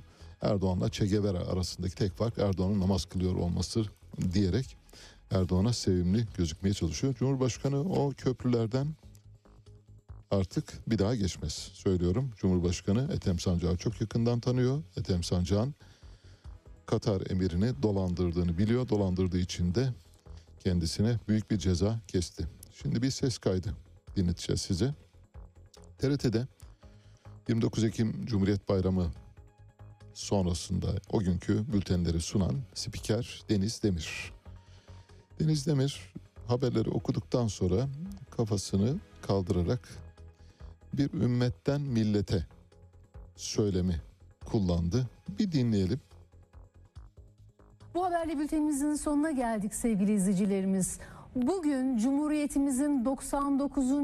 kuruluş yıl dönümüydü. Bizi ümmet olmaktan çıkarıp birey olma bilincini, cumhuriyet aydınlığını, ilmini armağan eden Gazi Mustafa Kemal Atatürk ve tüm şehitlerimizi sevgi, saygı ve rahmetle anarken Cumhuriyetin zihninde ve kalbinde yaşayan, yaşatan, bunu gelecek nesillere aktaran siz bu büyük millet, bu büyük devlet, Atatürk'ün kurduğu büyük Türkiye Cumhuriyeti ilelebet yaşasın. 29 Ekim Cumhuriyet Bayramımız kutlu olsun. Hoşçakalın. Evet. Deniz Demir TRT spikeri uzun yıllardır TRT'de görev yapıyor. Bu konuşmadan sonra ekrandan alındı. Muhtemelen görevden de alınacak zannediyoruz. 29 Ekim'de herhangi bir Türk vatandaşının söylemesi gereken söylerden, söylemden daha fazlasını dile getirmedi. TRT'de Deniz Demir'in bundan önceki bir haberinin daha sesi var, ses kaydı var onu dinletelim. Hani eğer linç edecekseniz yine ediniz fark etmez ama linç edecekseniz mesela bu ses kaydını dinledikten sonra bir kez daha karar veriniz. 24 şehit haberini verirken bakınız spiker Deniz Demir nasıl konuşuyor. Ve 24 şehidimizin isimleri belli oldu. Şehit askerlerimizin isimleri şöyle. Jandarma Üsteğmen Murat Bek, Yozgat. Jandarma Asubay Başçavuş İbrahim Geçer, Konya. Piyade Uzman Çavuş Reşit Ercan, Elazığ. ekranda isimleri e, görüyorsunuz sayın izleyiciler.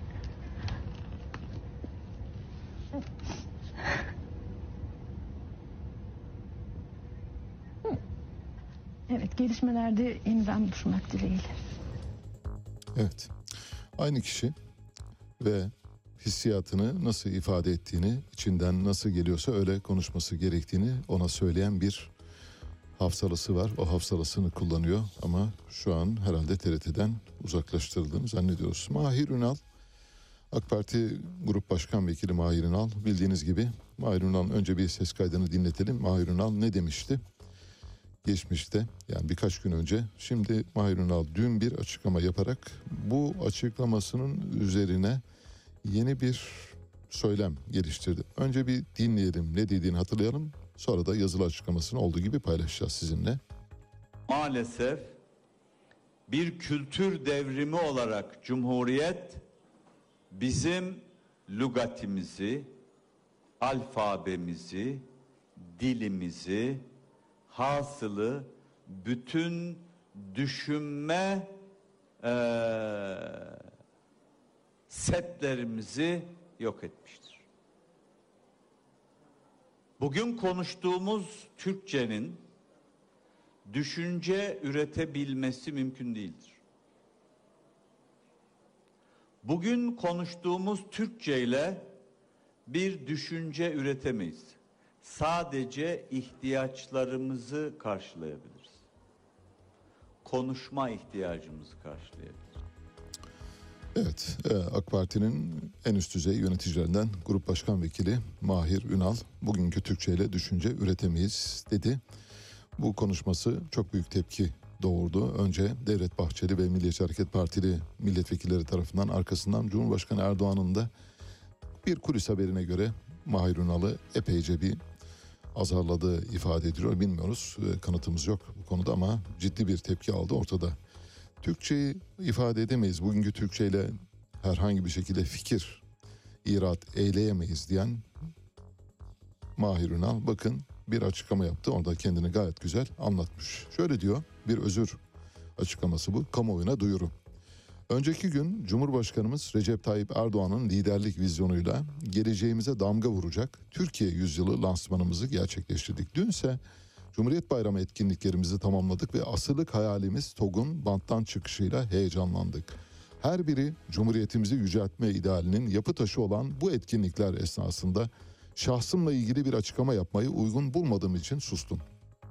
21 Ekim 2022 günü Kahramanmaraş Kitap Fuarı'nda bir kültürel etkinlikte yaptığım konuşmama ilişkin dile getirilen her fikir ve siyasi eleştiri kabulümdür. Fakat gerekli açıklamalarda bulunmama rağmen Meral Akşener ve Kemal Kılıçdaroğlu'nun açık hakaret, düşmanlık ve nefret içeren iftiralarını şiddetle reddediyorum. Bu arada Devlet Bahçeli'nin ağza alınmadık bir şekilde kendisine yönelik ithamını unutuyor. Sadece Meral Akşener ve Kemal Kılıçdaroğlu üzerinden yürüyor. Çünkü Devlet Bahçeli kullandığı andan itibaren iş değişiyor. Oysa Devlet Bahçeli çok daha ağır bir şekilde yüklenmişti.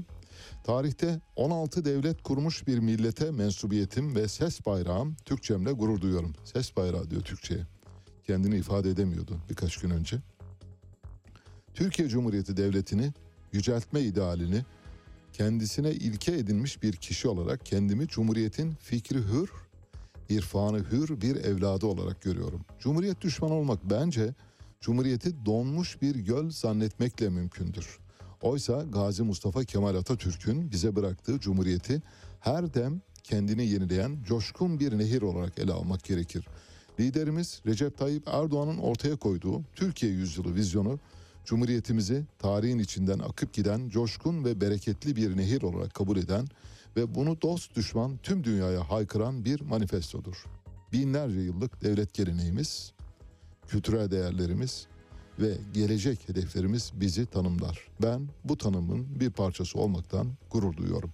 O halde yaşasın Cumhuriyetimiz ve onun fikri hür, vicdanı hür, nesilleri. Mahir Ünal, Kahramanmaraş Milletvekili, AK Parti Grup Başkan Vekili.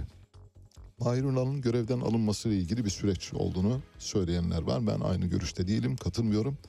Mahir Ünal'ı bu aşamada görevden alırsa konsolide olmuş oyların parçalanması gibi bir risk ortaya çıkabilir. Bakın gördünüz mü Atatürk'ü eleştirdi diye grup başkan vekilini görevden aldı. Cahit Özkan'ı neden görevden almıştı? Eski grup başkan vekili saçında yarım kilo bir yantinle gezen Cahit Özkan'ı neden görevden almıştı? Çünkü Cahit Özkan Birleşik Arap Emirlikleri ile Türkiye arasında ilişkilerin boyutlarını anlatırken gördünüz mü bakın onlara diz çöktürdük, el öptürdük demişti. Bunun üzerine Birleşik Arap Emirlikleri Şeyhi aradı. Dedi ki nedir bu adam, bu kim dedi. Onun üzerine aldılar. Ancak Mahir Ünal için aynı şey olmayabilir. Mahir Ünal'ın görevden alınmayabileceğini tahmin ediyorum. Alınırsa iyi olur ama alınmayabileceği kanaatindeyim. Dün ifade edemediği Türkçesiyle bugün böyle sayfa sayfa çarşaf çarşaf açıklamalar yayınlayabiliyor.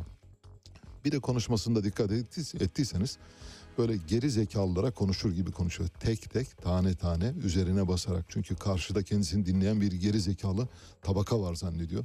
Herkes anlıyor. Herkesin sizi anlayabilecek kapasitesi var. İster hızlı ister yavaş konuşun. Böyle geri zekalılara konuşur gibi konuşmayınız. Kendinizi ne sanıyorsanız öyle konuşuyorsunuz bence. Siz kendinizi ne zannettiğinizi düşünerek konuştuğunuz için öyle konuşuyorsunuz.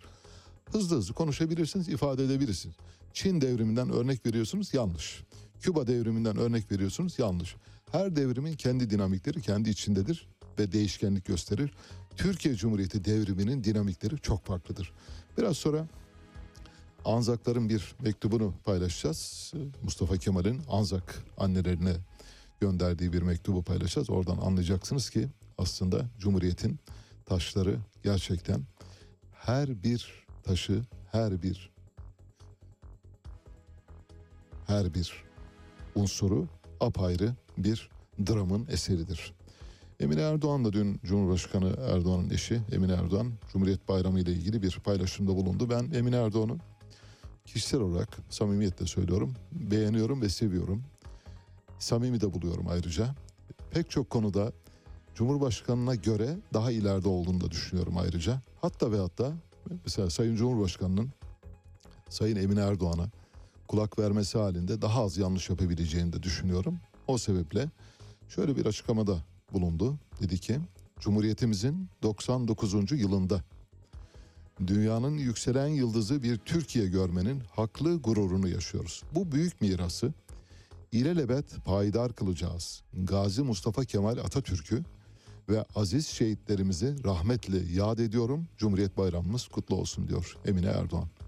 İşte Mahir Ünal'ın söylemediği, söylemek istemediği ve söyleme, söylemekten imtina ettiği şeyi Emine Erdoğan söylüyor. Çanakkale Savaşları'nda bildiğiniz gibi yedi düvele karşı savaştık. Biz, tabi Osmanlı vardı elbette. Yedi düvele karşı savaştık. Bu savaşı provoke eden İngilizlerdi. İngilizlerin dünyanın dört bir tarafından topladıkları askerlerle yapılan bir savaştı. Örneğin Hintli Gurkalar bu savaşta vardı. Müslümanlar yani Müslümanlar Müslümanların topraklarına çıktılar. Anzaklar vardı. Anzak Avustralya, New Zealand Army Corporation, Avustralya ve Yeni Zelanda askerlerinden oluşan askeri birliğe verilen addır. Anzak denilen, Anzak bir topluluğun adı değil, bir birliğin adıdır. Anzaklar bir bisküvi çıkardılar Avustralya'da Ee, ve Avustralya'daki bu bisküvinin üzerine Atatürk'ün meşhur söylemini yazdılar. Atatürk'ün yıllar sonra Avustralya ve Yeni Zelanda'daki o birliklerden bizim topraklarımıza düşen ve bizim topraklarımızda metfun askerler için onların annelerine bir mektup kaleme aldı. Şimdi bu mektubu.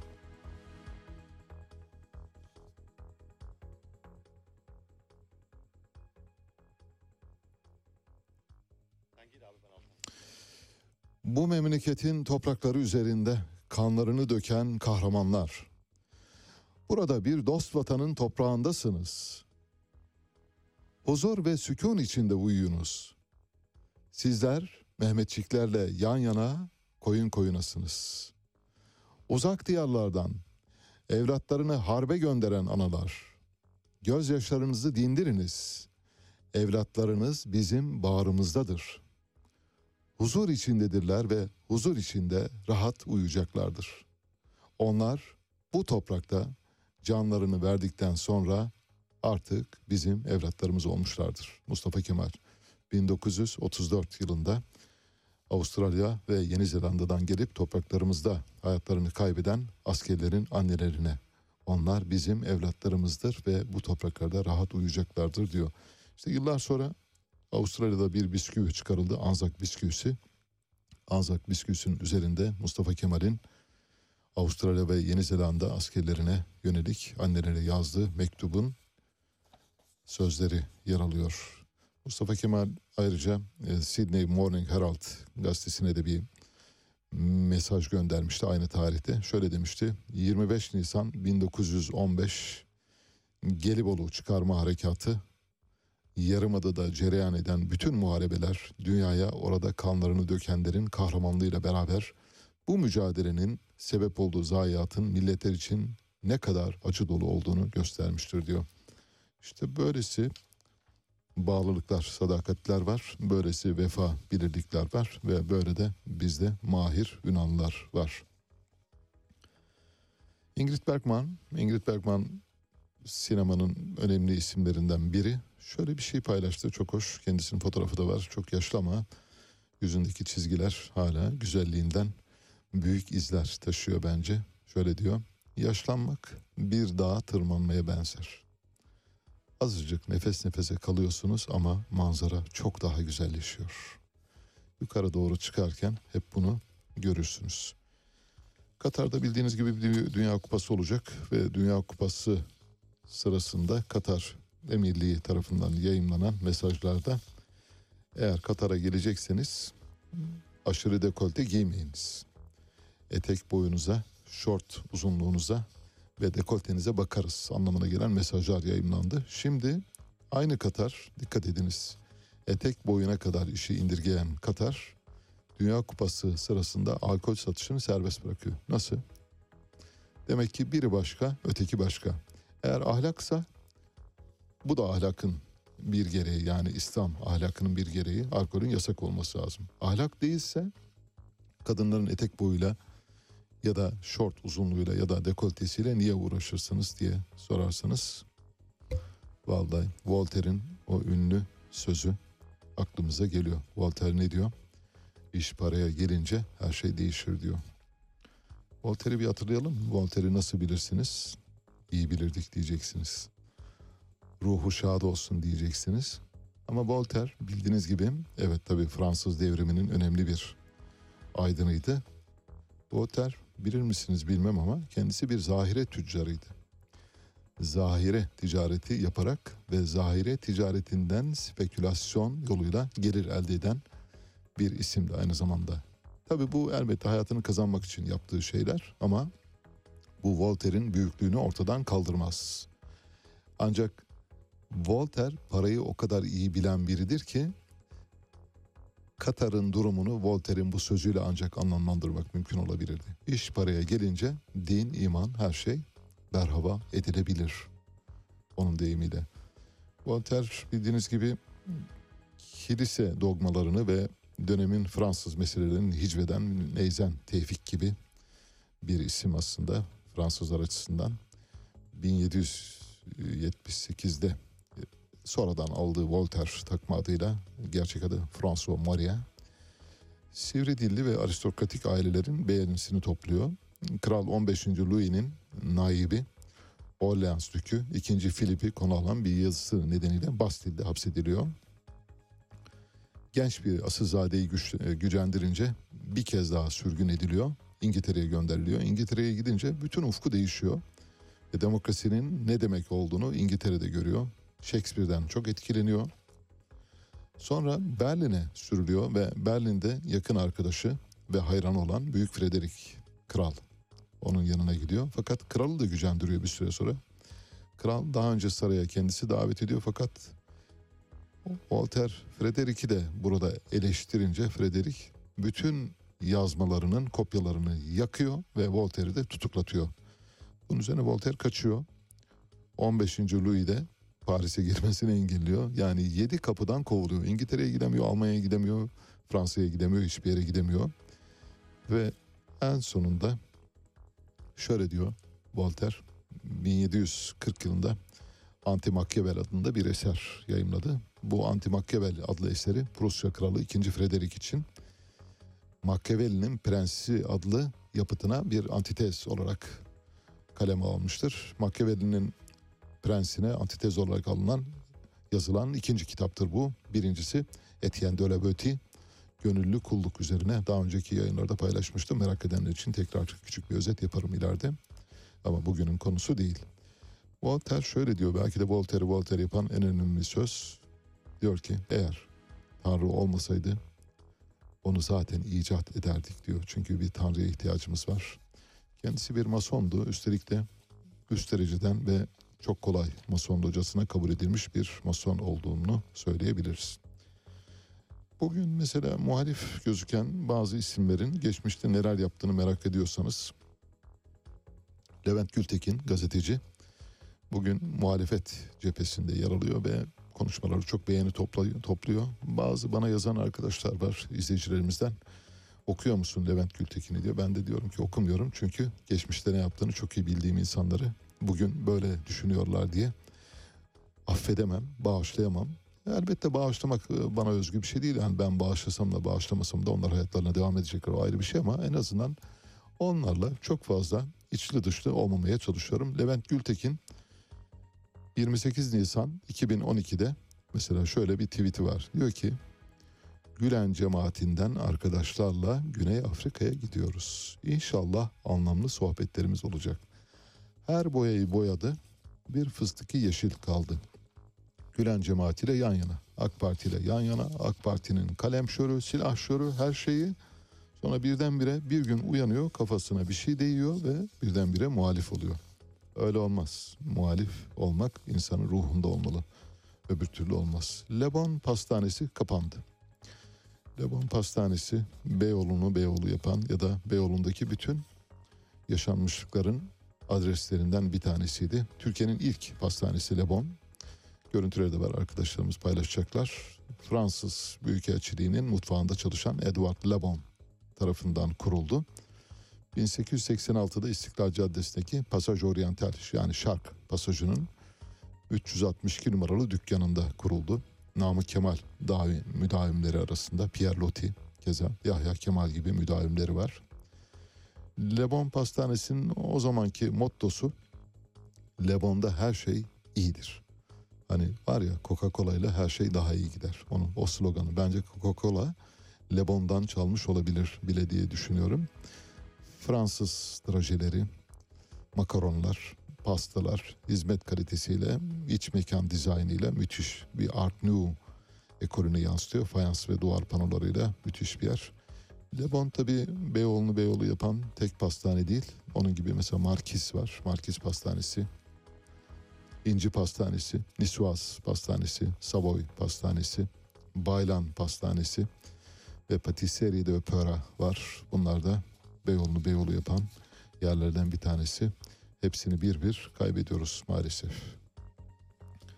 Elimde bir istatistik var. Bu istatistiği paylaşacağım. Sizi üzmek pahasına da olsa paylaşacağım. Çünkü gerçekten Türkiye'nin içinde bunun da durumu çok iyi yansıtıyor. Bir insani gelişme endeksi vardır. İnsani gelişme endeksi Birleşmiş Milletler tarafından yayınlanır. UNDP, Birleşmiş Milletler Kalkınma Programı tarafından yayınlanır. İnsani gelişme endeksinin içinde ülkelerdeki yaşam uzunluğu, okur yazarlık oranı, eğitim ve yaşam düzeyi gibi birçok parametre vardır. Bu parametreler bakımından ülkeleri sıraladığınızda zaten hayatın kendisi de bunlardan ibaret. Yani yaşam süresi, okur yazarlık oranı, eğitim, yaşam düzeyi başka geriye bir şey kalmıyor ki. Bunları kattığınız zaman yani insan olmanın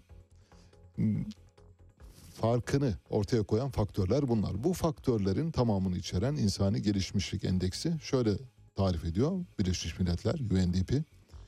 Bir ülkenin kalkınmasını değerlendirmek için tek başına ekonomik büyümenin değil, insanların ve onların yeteneklerinin nihai kriter olması gerektiğini vurgulamak için oluşturulan kriterdir diyor.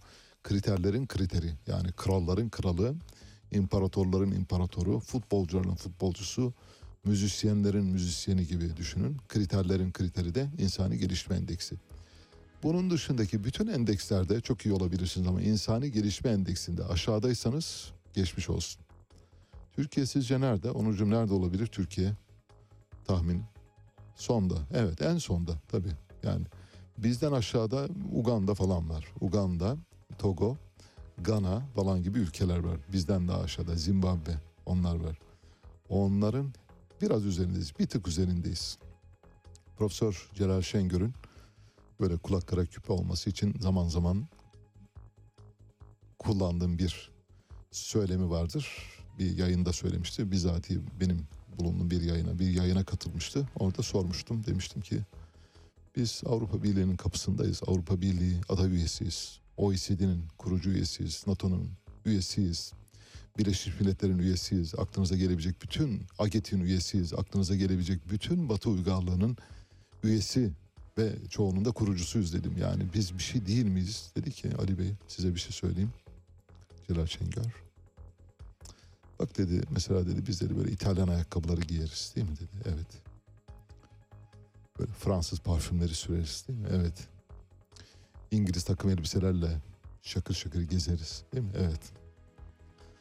Saçlarımızda İtalyan losyonları ile kendimizi parlatırız. Evet öyle mi?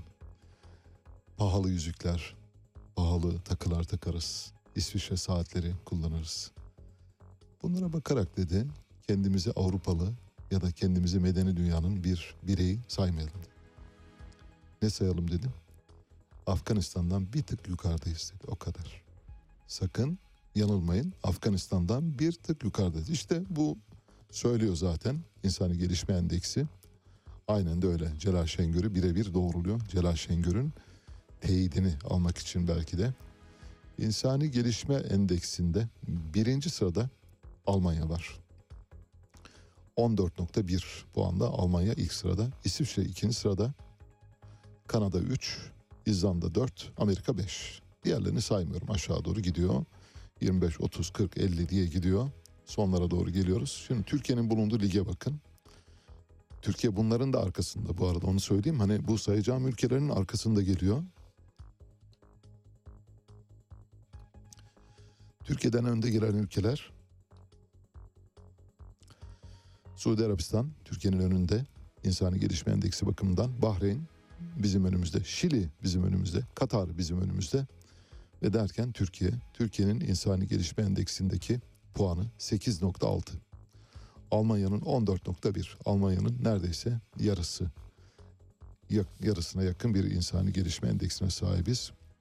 Endekslerin endeksi, kriterlerin kriteri insani gelişme endeksinde Katar'la, Suudi Arabistan'la, Şili'yle, Bahreyn'le ve Arjantin'le yarışıyoruz.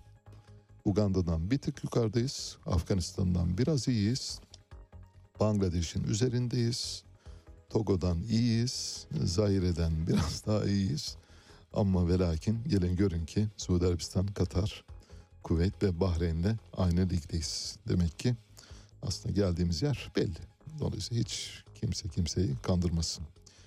Birazdan bir telefon bağlantımız olacak tam e, çeyrek kala. Vergi uzmanı Mahmut Aydoğmuş'la konuşacağız. Cuma günü dile getirmiştim hatırlarsanız.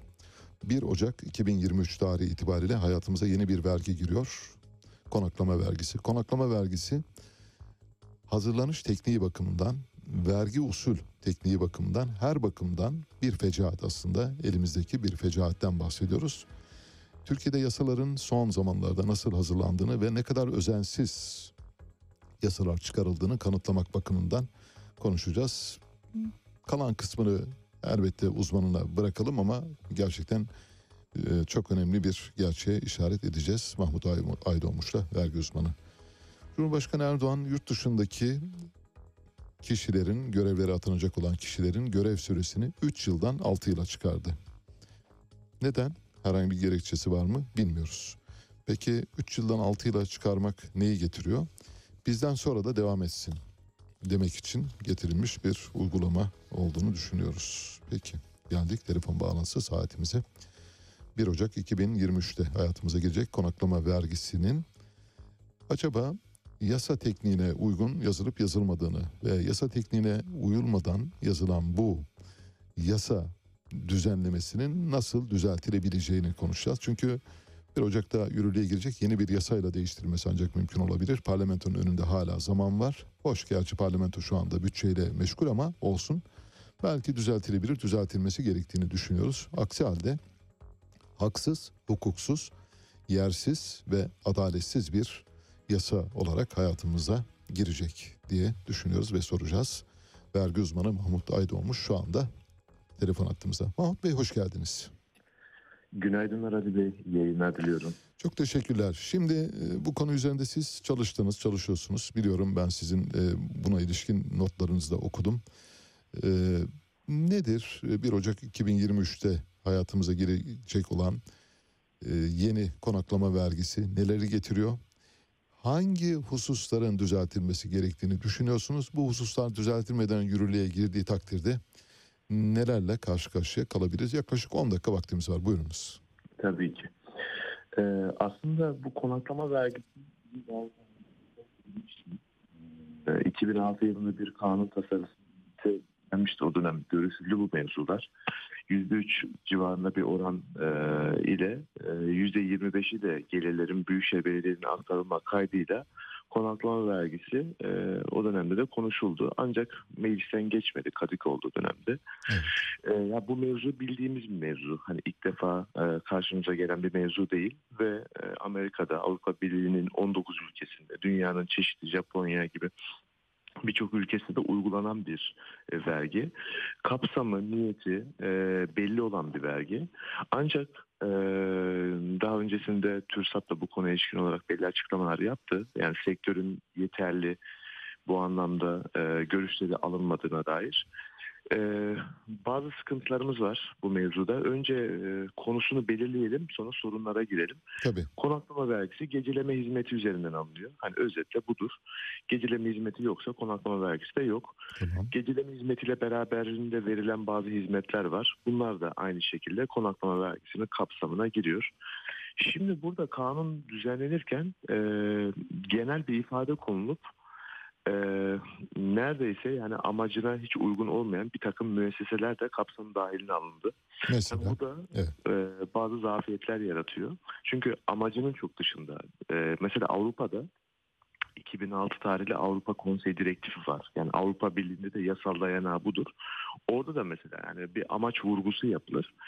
E, dolayısıyla sosyal amaçlı e, konaklamalar veya iş amaçlı konaklamalar mesela iş dünyasına ziyarete gelen e, kişiler oluyor. Mesela bunlar genelde çoğu ülkede hep kapsam dışı bırakılmıştır. Yani bırakın sosyal amacı, iş amacıyla gelen insanlar bile kapsam dışı bırakılmıştır. E, burada e, ağırlıklı olarak yani turizm anlamında bir konaklamayı vergilemek esas olmalıydı. Ama biz e, hepsini bir torbaya koyduk. E, sonra bir istisna maddesiyle bir takım unsurları dışında bırakmaya çalıştık ama tabii bunu yaparken de e, bazı hususları gözden kaçırdık. Yani düzenlemeyi yaparken aslında vergilemememiz gereken birçok müesseseyi de e, vergileme noktasına gelmiş olduk. Şimdi 1-1-2023 tarihinde yürürlüğe girecek bu kanun. E, aslında 2009 yılında 7194 sayılı kanunla e, düzenlenmişti. E, sektörün talebi üzerine erteleme söz konusu oldu ve yeni yılla beraber artık konaklama vergisini %2 oranında geceleme hizmetlerinden vergilemeye başlayacak. Geceleme hizmeti veren müesseseler bu verginin de mükellefi olacaklar. Genel çerçeve bu şekilde. Evet. Peki düzeltilme imkanı var mıdır? Yani bu saydığınız hususları düzeltmek için mutlak surette yasanın tadil edilmesi mi gerekiyor yoksa e, geçici bir tadil yolu var mıdır? Ali Bey, e, kanun e, biliyorsunuz vergiler anayasanın 73. maddesi gereği Kanunda kaldırılır, değiştirilir. Yani dolayısıyla e, kanunu an- biz tebliğle, yönetmelikle e, veya bir genelgeyle değiştiremeyiz. Dolayısıyla bu konuda bir yasal düzenleme gerekiyor. Yani Maliye Bakanlığı'nın tebliğiyle yapacağı bir düzenlemeyle bu hususların aşılması mümkün değil. E, bu konuda herhangi bir çalışma şu anda yok. Ancak sektör temsilcilerinin e, konak, e, konaklama işletmelerinin, TÜRSAB'ın e, bu konuda bir takım girişimleri var. Turizm Bakanı'yla, e, bakanlık yetkilileriyle görüşmeleri var bu konuda. E, bizler de Maliye Bakanlığı'ndaki Gelir İdaresi Başkanlığı'ndaki arkadaşlarla bu konuya gerekli e, konuları ilettik. Yani e, hak verdikleri noktalar var. Ee, özellikle sosyal amaçlı bir takım konaklama merkezlerinin kesinlikle kapsam dışına bırakılması gerekiyor. Ee, çünkü bu çok amacı aşıyor. Ee, mesela huzur evleri, e, koruma evleri. Daha önceki 2006 yılında çıkarılmış olan kanunda koruma evleri ve huzur evleri vergiden istisna olarak net Tabii. yazıyordu. Evet net biçimde. Şimdi bu kanunda yazmıyor. Demek ki e, aslında tebliğde de e, biraz şey yapılmış. Sukut edilerek yani biz bu konuya girmeyelim. Hani burası vergiye tabidir diye kamuoyu oluşturmayalım diye hiç oraya değinilmemiş. E, halbuki artık bunlar da kapsamın içine girmiş oldu. Çünkü e, vergileme tekniği açısından ilk önce verginin konusu belirlenir. Yani genel çerçeve çizilir. Bu vergi kanunlarının genel tekniğidir. Sonra sosyal ya da iktisadi veya çeşitli sebeplerle muafiyetler ve istisnalar belirlenir. Yani konusunun dışına çıkarılacak olan özel unsurlar devreye girer burada. Bu konuda katma değer vergisi kanununda 17.2b maddesi var. Kurumlar vergisi kanununda 4. madde var. Burada mesela net olarak yazar. Yani huzur evleri vergiden muaftır ve istisnadır diye hani kategorize edilmiştir. Dediğim gibi 2006 yılındaki düzenlemede de aynı şekilde e, mevzuata dahil edilmişti ama e, bu 7194 sayılı konaklama vergisi içeren kanunda böyle bir düzenleme yok. Mesela genelde huzur evleri söyleniyor ama çok ilginç e, kadın sığınma evleri de bu kapsamda. Öyle mi? Ya, çok iyi. Vallahi İşte süper. işte aile üyeleri veya kendilerine yakın başka bir kimse tarafından şiddet veya istismara maruz kalan işte kadınların Bunları tek tek sayabilme imkanımız var mı? Yani işte huzur evleri, düşkünler evi, kadın sığınma evleri. Evet evet yani e, yani özellikle hani vurgu yapılması gereken noktaları biraz daha ön plana çıkartmak istiyorum. E, huzur evleri net olarak artık verginin içerisinde. Evet. Koruma evleri yani bu çocuk veya kadın erkek koruma evleri var bakanlık bünyesinde olan. Evet. Bunların belli bir ücret e, şey yapılıyor. Da- 2006 yılındaki düzenlemede huzur evleri ve koruma evleri vergiden istisna olduğu yazıyordu. Bu kanunda yazmıyor. Evet. Sağlıklı yaşam merkezleri var. Şimdi mesela burası turizm amacıyla oluşturulan bir yerler değil. Mesela yaşlılarımız var işte fizyoterapi görüyorlar Tabii. gidip o yerlerde. Ee, bunlar da artık kapsam dahilinde. Misafirhaneler yani çok anlamsız e, kamu misafirhaneleri de dahil bu arada. Mesela bir kamu görevlisi bir yere göreve gidiyor. Yani orada devlet zaten ona belli bir harcırah veriyor Evet. e, konaklaması için. Bir de orada konaklama vergisi ödüyor. E, Evet. işte kamu görevlisi. E, bunlar da kapsam dahilinde. Dolayısıyla özellikle istisnalar e, kısmının yeniden düzenlenmesinde e, bence e, Evet. fayda var. Peki bu şekliyle yürürlüğe girip yılbaşından sonra düzeltilebilir mi yoksa daha önce düzeltilme ihtimali var mı? Yani sizin edindiğiniz bilgiye dayanarak soruyorum. Şöyle veya bu konu, bu konu bir gündem oldu. Hı hı. Ee, şu anda bir böyle bir düzenleme yok. Onu, onu söyleyeyim. Ee, ama kanaatimce yılbaşından önce bu konuda bir düzenleme yapılacağı yönünde. Ee, çünkü şey amacını çok aşan bir Tabii. noktaya geldi. Ee, yılbaşından sonra olması halinde biz bir kere bir, bir süre vergileyip sonra vergilememiş olacağız. Tabii. Gerçi yani vergileme e, noktasında bazı düzenlemeler oluyor. Yani hani mesela diyelim Şubat ayında çıktı bu düzenleme. E, 1 Ocak'tan işte 1 Şubat'a kadar yapılmış olan e, tahsilatlar iade edilir gibi çeşitli düzenlemeler de yapılıyor ama tabii burada bu vergi dolaylı vergidir. Yani bir kazanç vergisi değil bu. Dolaylı vergi dediğiniz zaman da nihayet tüketiciden tahsil edilen bir vergi. Evet.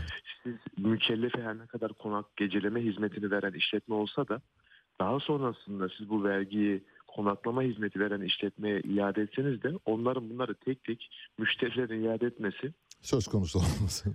Evet, evet çok tabii tabii. Aynen. Dolayısıyla bu e, sorunu bizim e, 1-1-2023'ten önce çözmemiz lazım. Çözmemiz lazım. Ben yani bir maddeyle e, çünkü e, önümüzde yılbaşına kadar yoğun bir gündem var mali konularla Tabii. ilgili. İşte EYT var, torba yasa var. Bütçe var, tabii. Affına ilişkin olarak e, bir çalışma yürütülüyor.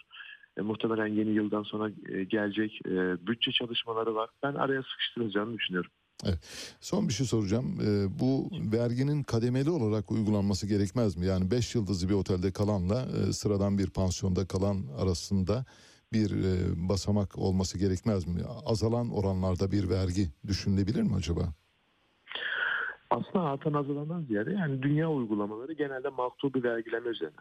Yani işte çeşitli ülkelerde mesela örnek vereyim ben e, Fransa'da 0.20 euro ile 4 euro arasında değişiyor. Yatak İspanya'da başına evet. Evet, İspanya'da işte sadece Katalonya ve Balear Adaları'nda alınıyor. Orada 0.45 ile 2.25 euro arasında değişiyor. Yani çoğu ülkede hep maktubi vergileme unsuru var. Burada da şehir e, bölge ayrımı, dönem sezon ayrımı, Yapılarak tabii. mekanın nevisi, yıldız sayısı bunlar önemli. Bizde işte bunu daha önce konuştuk Ali Bey. Ya işte Antalya'da, Muğla'daki bir 5 yıldızlı lüks otelle Hakkari'deki, Şanlıurfa'daki bir pansiyon Olmaz. aynı vergi ödüyor.